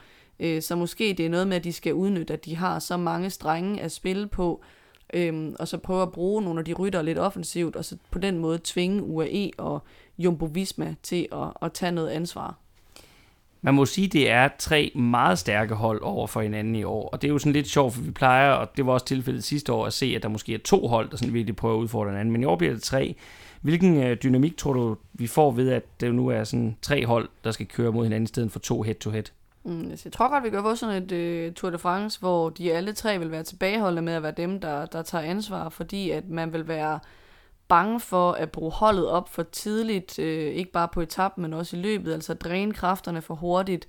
Måske man vil være bange for at få den gule trøje for tidligt, fordi man så skal bruge holdet til at forsvare den.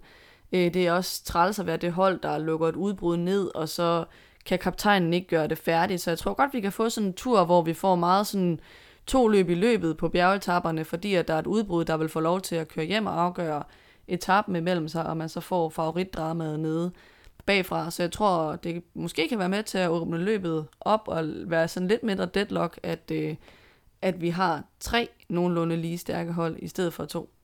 Ja, og så er der måske endda et fjerde øh, jokerhold i den her sammenhæng, nemlig Movistar, som kommer med en rigtig, rigtig stærk trio, der har set øh, skarpe ud her op til, til Tour de France. Den første, det er jo øh, Miguel Angel Superman Lopez, kolumbianeren, der jo blev nummer 3 i Giro og Vueltaen i 2018, men som så ikke har kørt så godt øh, Grand Tour klassement siden. Øh, sidste år blev han øh, nummer 6 i turen, men han har jo ofte en øh, tendens til at vælte eller sidde forkert, eller bare tabe tid af, af sådan dumme årsager, hvor han, hvor han ikke tænker sig ordentligt om, eller ikke placerer sig ordentligt. Men øh, han blev nummer 6 i Dauphiné, hvor han i det hele taget viste fin form og, og god kørelyst. Øh, den anden del af den her øh, trio, de har, det er så Enrik Mas, øh, der jo lavede den her surprise andenplads i Vueltaen i 2018, mens han kørte for Quickstep, øh, men som så har svært ved at følge helt op på det. Han blev dog nummer 5 i turen sidste år, blev også øh, nummer 5, mener jeg, i Vueltaen, og han, øh, han blev så godt nok kun nummer 11 i Dauphiné op til, men han så rigtig fin ud i Ventoux Challenge, det her endagsløb på Mont Ventoux, der blev kørt op til, øh, øh, hvor at Lopez, hans holdkammerat, jo øvrigt vandt.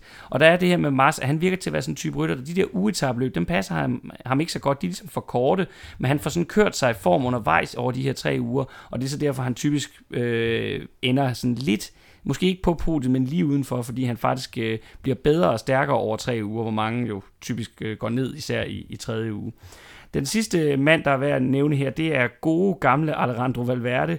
Øh, forud for sæsonen, der var vi jo oprigtigt i tvivl om, karrieren var slut, men det må vi sige, at det var den ikke. Han har vundet to sejre i år, og i Ardennerne, der blev han heldigvis nummer 3, 4 og 5 i de tre store øh, øh, endagsklassikere der, så vi må bare sige respekt, øh, og han er altid et stærkt kort at have på holdet. Øh, I Dauphiné viste han sovnekøbet, at, øh, at formen også er god lige nu, han vandt en etape, øh, og øh, så tror jeg også, at vi endelig er nået til et punkt, hvor Valverde har formået at parkere sine egne øh, klassementsambitioner. Øh, han blev øh, kun nummer 14 i Dauphiné, og samtidig så kørte han faktisk en, en, en leveret en rigtig god indsats for, for sine to holdkammerater, Lopez og Mars. Så øh, en stærk øh, joker i den her sammenhæng, Movistar. Ja, og så skal vi også nævne, at de jo faktisk også har en Max Soler med øh, til start. Han er jo nok ikke øh, sådan en, man vil påholde inde i klassementet, men han er i hvert fald en, øh, en habil rytter at have med i bjergene. Øh, det var jo synd for ham, at han, øh, han endte med at udgå af Giro d'Italia, hvor han ellers øh, så ud til at have gang i øh, et rigtig godt øh, bid for klassementet der. Øh, det, jeg synes er mest opløftende for Movistar, det er, at vi endelig i Dauphiné så et Movistar, der så ud som om de kunne finde ud af at arbejde sammen. Øh, Øh, tidligere har det jo været en kæmpe udfordring med alle de her stjerner, og så kunne de ikke finde ud af, hvem de skulle køre for. Øh, men Dauphiné, der synes jeg, vi så sådan en dag, hvor de kørte for Valverde skulle vinde en tabesejr, en dag, hvor de prøvede at sætte Lopez op, øh, og det gør bare en verden til forskel, hvis man kan få det der til at, at fungere, og jeg tror meget af det har at gøre med, at Valverde har accepteret, at det ikke er ham, der skal køres klassement for. Øh, de har øh, holdet til at udfordre, vil jeg sige umiddelbart. Øh, omvendt kan man også godt sige, at man godt kan være skuffet over, at de Dauphiné kun bliver nummer 6, 11 og 14. Det er jo ikke det samme som det Ineos, der bliver nummer 1, 3 og 10. Så formen skal nok have et nyk op hos Lopez og Mars inden starten i Britannia, hvis de skal kunne gøre sig gældende. Øh, og så har de jo så den udfordring, at alle deres ryttere kommer til at tabe tid på enkeltstarten, så de bliver nødt til at ud og angribe i bjergene. Hvis vi så skal kigge ud over de her fire øh, tophold, må vi jo nok kalde dem, øh, øh så øh, er der jo en række øvrige rytter, hvor vi må sige, der er nok ikke nogen af dem, hvor vi for alvor kan forestille os, at de vinder Tour de France, men de er jo oplagte kandidater til at udgøre den øvrige del af, af top 10. Ja, den første jeg gerne vil nævne, det er Vilko Kelderman. Han har en god enkeltstart. Han er lige blevet nummer 4 i et øh, godt besat Dauphiné. Han øh, blev nummer 3 i Giroen sidste år, godt nok i et meget svagere felt, og han gik lidt ned i, i tredje uge, men ikke desto mindre har han vist, at han godt kan køre øh, tre uger og, og holde formen nogenlunde stabilt. Øh, sidste år i Giroen, der snakkede vi jo om det her med, at han endte med lidt at blive offer for, at han var på vej væk fra sit øh, daværende hold øh, Sunweb, øh, på vej over på Bora, som han kører for nu, og derfor så blev der kørt for hans holdkammerat Jai Hindley i stedet for i tredje uge, så resulterede det i, at de fik anden og tredje pladsen. Der kunne de måske have vundet. Øhm, det tror jeg godt, han kunne risikere at blive offer for igen i år, i en sådan lidt hypotetisk situation, fordi at de har valgt at udtage tyskeren Emanuel Buchmann, som jo udgik af Giro d'Italia på grund af et styrt. Han er med som sådan en form for backup, der skal have en lidt fri rolle, Øh, der tror jeg godt, man kunne være lidt træt af det som Vilko Keltermann, fordi ja. det er jo et tysk hold, så hvis Bukman lige pludselig kører helt vildt godt, hvor efterlader det så Keltermann. Samtidig så skal holdet også køre for Peter Sagan. De har også øh, en Konrad, der skal have en fri rolle, synes jeg, de havde meldt ud. Så man kunne måske godt frygte, at de kommer til at sætte sig mellem to eller endda fire forskellige stole. Men øh, jeg synes alligevel, at Vilko Keltermann er et spændende emne til en top 10, også med den rute, som, øh, som der er lagt. Den første, jeg vil nævne, det er så franske David Gody, som jo kører for Gruppe efter FDJ-holdet. Øh, han er jo nok den rytter, der kommer til at bære faklen lidt for, for hjemme, hjemmepublikummet i år, fordi at øh, Thibaut Pinot jo desværre er ude med en rygskade, og Romain Bardet jo i år valgte at øh, satse på Gio'en i stedet for. Øh, Øh, Gody blev nummer 8 sidste år i Vueltaen, hvor han også vandt øh, to etapper. Øh, det, øh, det samlede resultat var dog delvis grundlagt af at øh, tage tid tilbage ved at køre i, i udbrud, så det var ikke fordi, han egentlig lignede en mand, der sådan satsede på det samlede klassement. Han endte bare langt oppe, fordi han havde flere af de her udbrudsetapper, der gik godt. Han kørte øh, rigtig, rigtig flot i Ardennerne i år, hvor han blev nummer 3 i Liège, så blev han også nummer 5 i et meget stærkt besat Baskerland rundt, som vi allerede har nævnt et par gange øh, tidligere på året. Øh, han blev dog kun nummer 9 i, i Dauphiné, hvor vi så ham forsøge med nogle angreb i bjergene, men, men han lignede en mand, der var sådan lige uden for, for topformen.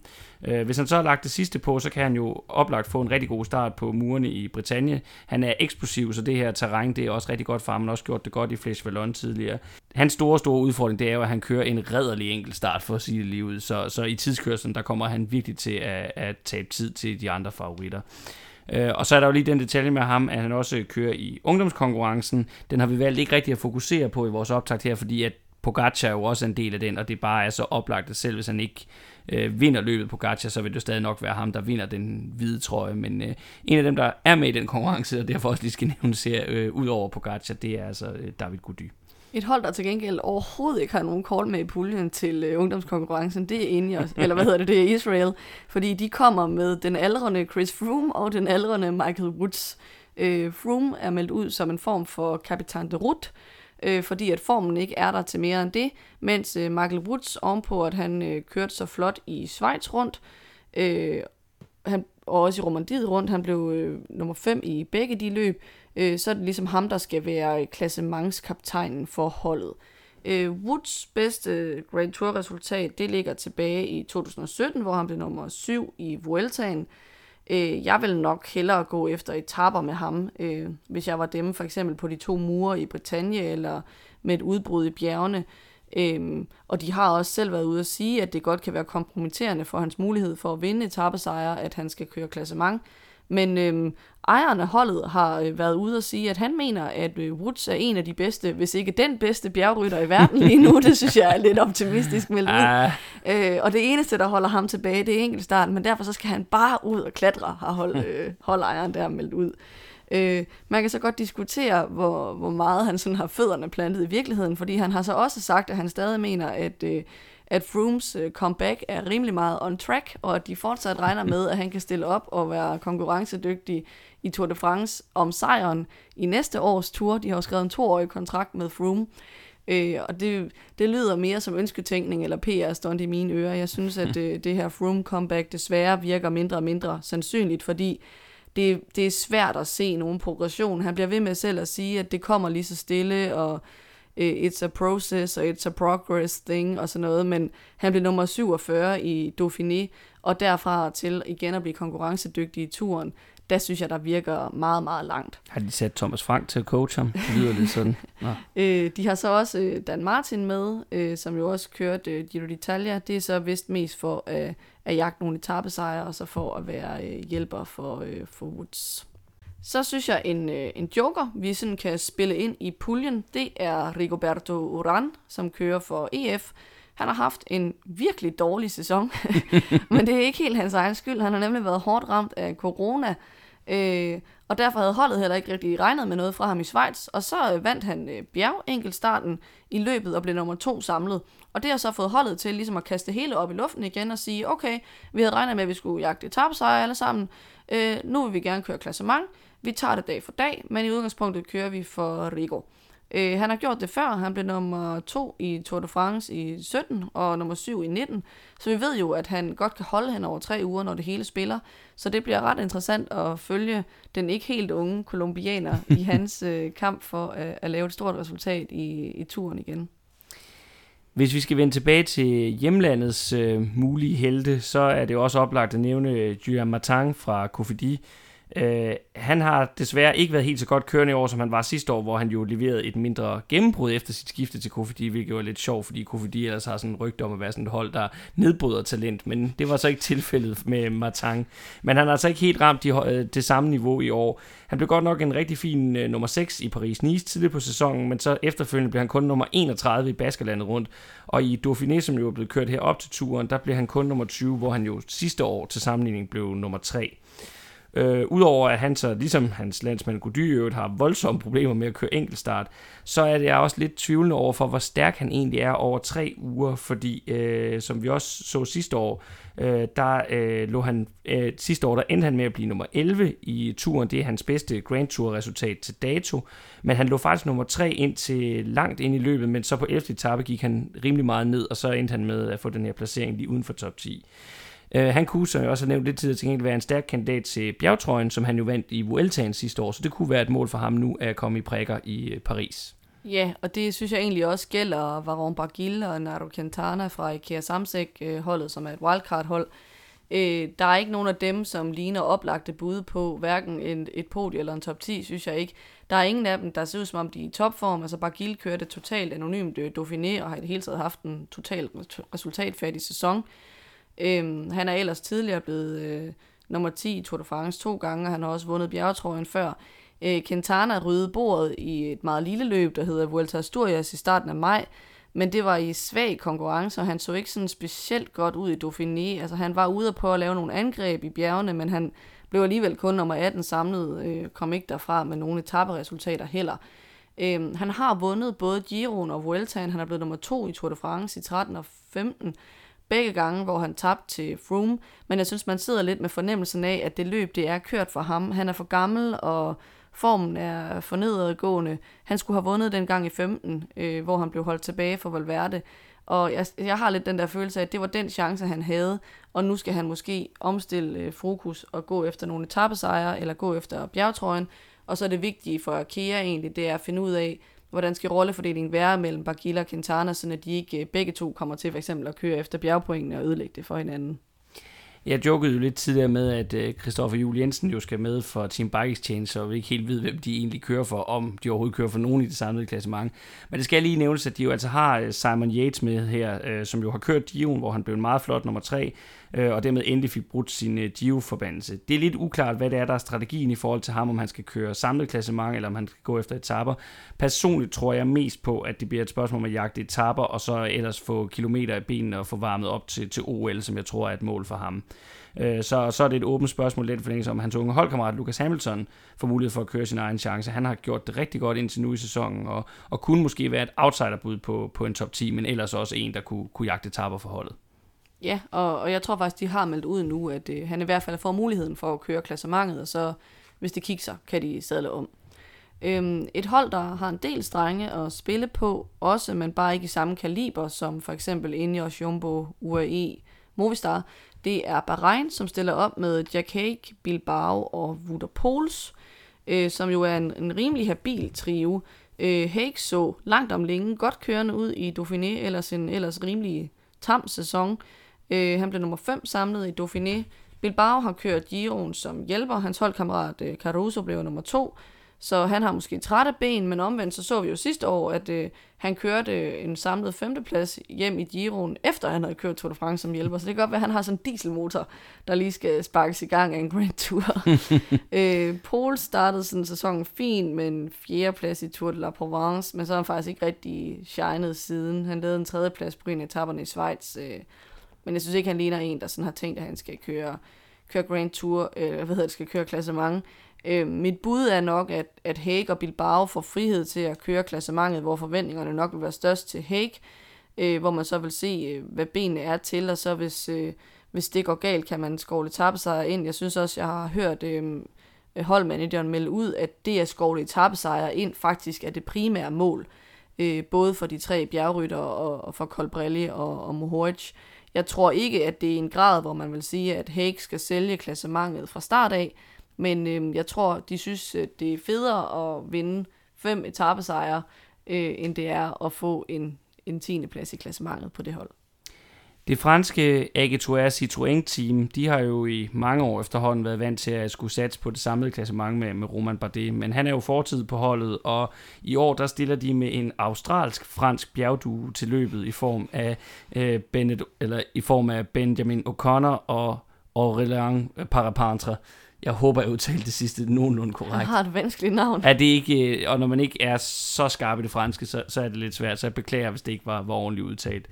Øh, men det er jo lidt spændende at se, hvordan de vil prioritere den her duo. De har sådan set gjort det hederligt begge to i, i forsæsonen og optakten til turen i forhold til resultater. O'Connor blev nummer 6 i Romandiet rundt og nummer 8 i Dauphiné. Han hænger sådan ok godt på i bjergene, uden at sådan kunne følge med de allerbedste, øh, som det er jo sådan lidt er klassisk for rytterne på de franske hold, også selvom de ikke er franskmænd, så er han heller ikke særlig god til enkeltstart. Øh, og de korte hissige stigninger, det er bedre, hvis det bliver langt og udmagrende. Det viste han også ved, at han blev nummer 4 i, i Vang 2 Challenge. Så en, en spændende rytter, der har øh, egentlig gjort det hederligt på det franske hold i år, men, men nok ikke kan måle sig med de allerbedste. Og det er lidt det samme med Parapantra, som øh, blev nummer 9 i Paris-Nice og nummer 13 i Dauphiné. Øh, han skal nok bakke O'Connor op primært. Men det, der sådan er hele humlen ved det her, det er, hvad, hvad bliver tilgangen egentlig med de her to rytter? Altså vil de prøve at få O'Connor ind i top 10, som jo er vigtigt for et fransk hold, der kører i, i Tour de France, eller vil de hellere gå efter at vinde etappesejr med, med en fri rolle til begge rytter? Jeg vil nok øh, gå med det sidste, fordi selvom at der har været nogle gode resultater i ugetabeløb samlet set, så er det stadigvæk ugetabeløb. Det her det er over tre uger. Og så må vi også bare sige, at feltet er så stærkt, at, at det er svært at se nogle af de her to ryttere kunne blande sig med dem, der ellers ligger og er kandidater til top 10 placeringerne. Øh, der er står et stort pres for at levere resultater. Det er jo et fransk hold, og de har haft en rimelig sløj sæson i, i forhold til resultater, på trods af, at de jo har fået Citroën ind med det her store sponsorat. Det er efter sigende det hold, der har det femte største budget, og det har man bare ikke kunne se på resultatlisten i år, så de skal gå benhårdt efter etappesejre, også med en rytter som øh, god gamle Greg van Avermaet, der også er til start. Ja, jeg skulle også til at sige, at øh, når man kigger på, hvem de har udtaget, så ser det ud som om, at de bare har tænkt, at vi skal have alt med, som på nogle måder har en chance for at vinde mm. en etappesejr til os. Altså de har Greg van Avermaet, de har Oliver Næsen, de har Cosnefroy med, og så O'Connor og Parapantra. Øh, også øh, Nance Peters, som øh, før har vundet en etape til dem i, i turen. Dorian Godong også, også øh, en øh, potentiel øh, etapevinder, mere synes, end noget andet. i den grad, det ligner et hold, der er givet til, at det er alle mand afsted i udbrud, det er alle mand afsted på muren, det er bare frem over stepperne, fordi øh, som fransk hold, der, som du siger, turen er bare mega vigtig, og det har bare været en skodsæson for dem og de har to franske sponsorer, som virkelig bare mangler at få noget valuta for deres penge. Så jeg håber også, øh, sådan for holdet og for cykelsporten, at de kommer hjem med et eller andet, fordi de har simpelthen for stort et budget til, at, øh, at andet er rimeligt. En sidste rytter, jeg gerne vil øh, nævne, det er også en fransk mand. Han er ikke en øh, kandidat til at, at vinde overhovedet, synes jeg ikke, og heller ikke til at gå i top 10. Det er nemlig Julian Alaphilippe, Øh, han blev godt nok nummer 5 i Tour de France i 2019, og han har også indrømmet, at den ultimative drøm, efter han har vundet VM, det er at stå med en gule trøje i Paris. Men øh, vi kan nok ikke betragte ham som en favorit til øh, det samlede klassement. Når jeg så alligevel gerne vil nævne ham, så er det selvfølgelig fordi, at han er verdensmester, og han bare er en fantastisk cykelrytter. Øh, han kan meget nemt være den, der kommer til at skulle bære presset for succes på Quickstep, øh, i og med, at Sam Bennett jo ikke er, er med på grund af sin skade, og de har meldt ud, at de regner ikke med, at Mark Cavendish kan vinde en etape. Så det er nok ham, det skal, skal komme fra. Øh, umiddelbart er starten i Britannia også skræddersyet rimelig godt til, at han skulle kunne komme i gult, øh, i hvert fald på anden etape. Og øhm, vi så at jo, at han cementerede sin status som kongen af sprint op ad meget stejl bakke med sin tredje sejr Flesh Vallon i år. Øh, så jeg tror helt klart, at hans og Quicksteps mål, det må være at tage øh, den gule trøje, hvis ikke på første, så på anden etape. Dog vil jeg sige, at vi så i Schweiz, han havde svært ved at ryste Van der Pol af, det kunne han ikke rigtigt. Øh, og han tog faktisk også hjem fra Schweiz rundt for at være med til sin kones fødsel, så spørgsmålet er, om, om formel og fokuset er helt, hvor det skal være i forhold til at være klar der i Bretagne. Ellers så kunne et bud for ham måske også være den prikkede bjergtrøje, som han jo også har vundet tidligere, så det kunne også være en, en ting, han kunne vælge at gå efter. Og igen, han er jo fransk mand, og på hjemmebane er en af deres helt store darlings, så igen i år, hvor de nok må erkende, de i hvert fald ikke har chancen for at få brudt forbandelsen efter Inos sejr 85 og få den første tursejr i, i over ja, 30 år, er det jo nærmest efterhånden, det er over 30 år, så, øh, så kunne det være øh, igen, at det er Alaphilippe og de resultater, han kan få på etaper, eller i for eksempel bjergkonkurrencen, som franskmændene skal hænge deres hat på. Så vil vi lige, ligesom i Dio-programmet, igen slutte vores, øh, vores optakt heraf med et øh, bud på et podie, og også et bud på en top 10 ud fra, fra alle de favoritter, vi nu har, har gennemgået. Og øh, Miriam, vil du starte med at præsentere vores øh, podiebud? Ja, det er måske ikke så overraskende, men det hedder Pogacar, Roglic og Jaron Thomas. Der kan man sige, at, at øh, vi har jo så valgt at gå med, at Pogacar vinder igen og slår Roglic. Vi har ikke haft specielt mange muligheder for at se dem måle direkte op imod hinanden i løbet af sæsonen, men jeg synes alligevel, når man, når man kigger på dem i de løb, hvor de er stillet op, så har man den der følelse af, at Pogacar bare har et, et overskud, øh, og også en selvsikkerhed øh, i sin måde at køre på. Øh, jeg tror på, at han godt kan få skovlen under Roglic igen, især fordi Roglic har den her tendens til måske at tabe lidt form øh, i den tredje uge, hvor Pogacar var lader til at kunne køre for evigt på sin cykel. Ja, og, og så vil jeg tilføje det her med, at øh, når vi ser øh, øh, tilbage på forsæsonen indtil videre, og i det hele taget øh, cykling siden tursejren til Pogacar sidste år, så synes jeg, det er jo at sige, at den eneste gang, hvor jeg virkelig føler, at Roglic har slået ham, nemlig i Baskerlandet tidligere år, der var det nok også lidt mere på noget taktik og noget, øh, noget list, så at sige, end det var på sådan direkte evner og styrker over for hinanden. Det er i hvert fald sådan lidt det indtryk, jeg har. Så, så mål på ren styrke, så er øh, Pogacar den, min, mit bud på, hvem der er den stærkeste rytter lige nu, og dermed også min favorit til at vinde turen.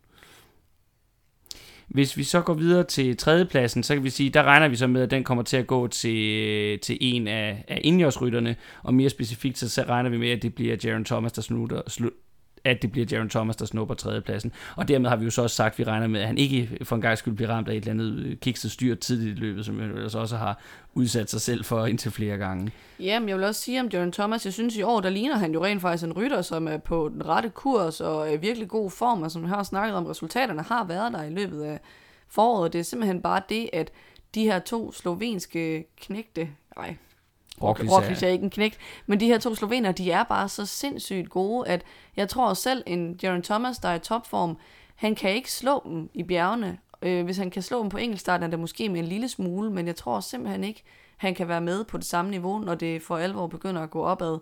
Øh, så selv i et løb, der, der virkelig flasker sig for ham, så tror jeg, at, det, at den tredje plads er det, det kan blive til. Øh, så kan de andre selvfølgelig blive ramt af, af uheld, og man kan blive overrasket, men øh, indtil videre, så må han tage til takke med øh, en tredjeplads. Ja, og så kan vi sige, at grund til, at vi så tror på, at det bliver Thomas, der bliver bedste indjørsrytter, det er så fordi, at der er så meget enkelt start på ruten i år, for det ligger jo virkelig til ham og, og til hans fordel. På fjerdepladsen, lige uden for, for podiepladserne, der har vi valgt at gå med en joker, og det er simpelthen uh, Rigoberto Urán. Yes, og det er måske lidt et long shot, men uh, han uh, leverede overraskelsen i Schweiz. Måske han kan levere overraskelsen igen. I 2017, der kom det også lidt ud af nowhere, at han blev, øh, blev toer. Det er selvfølgelig rigtig mange ting, der skal gå den rette vej, og han er bestemt ikke blevet yngre, øh, siden han sidst stod på podiet.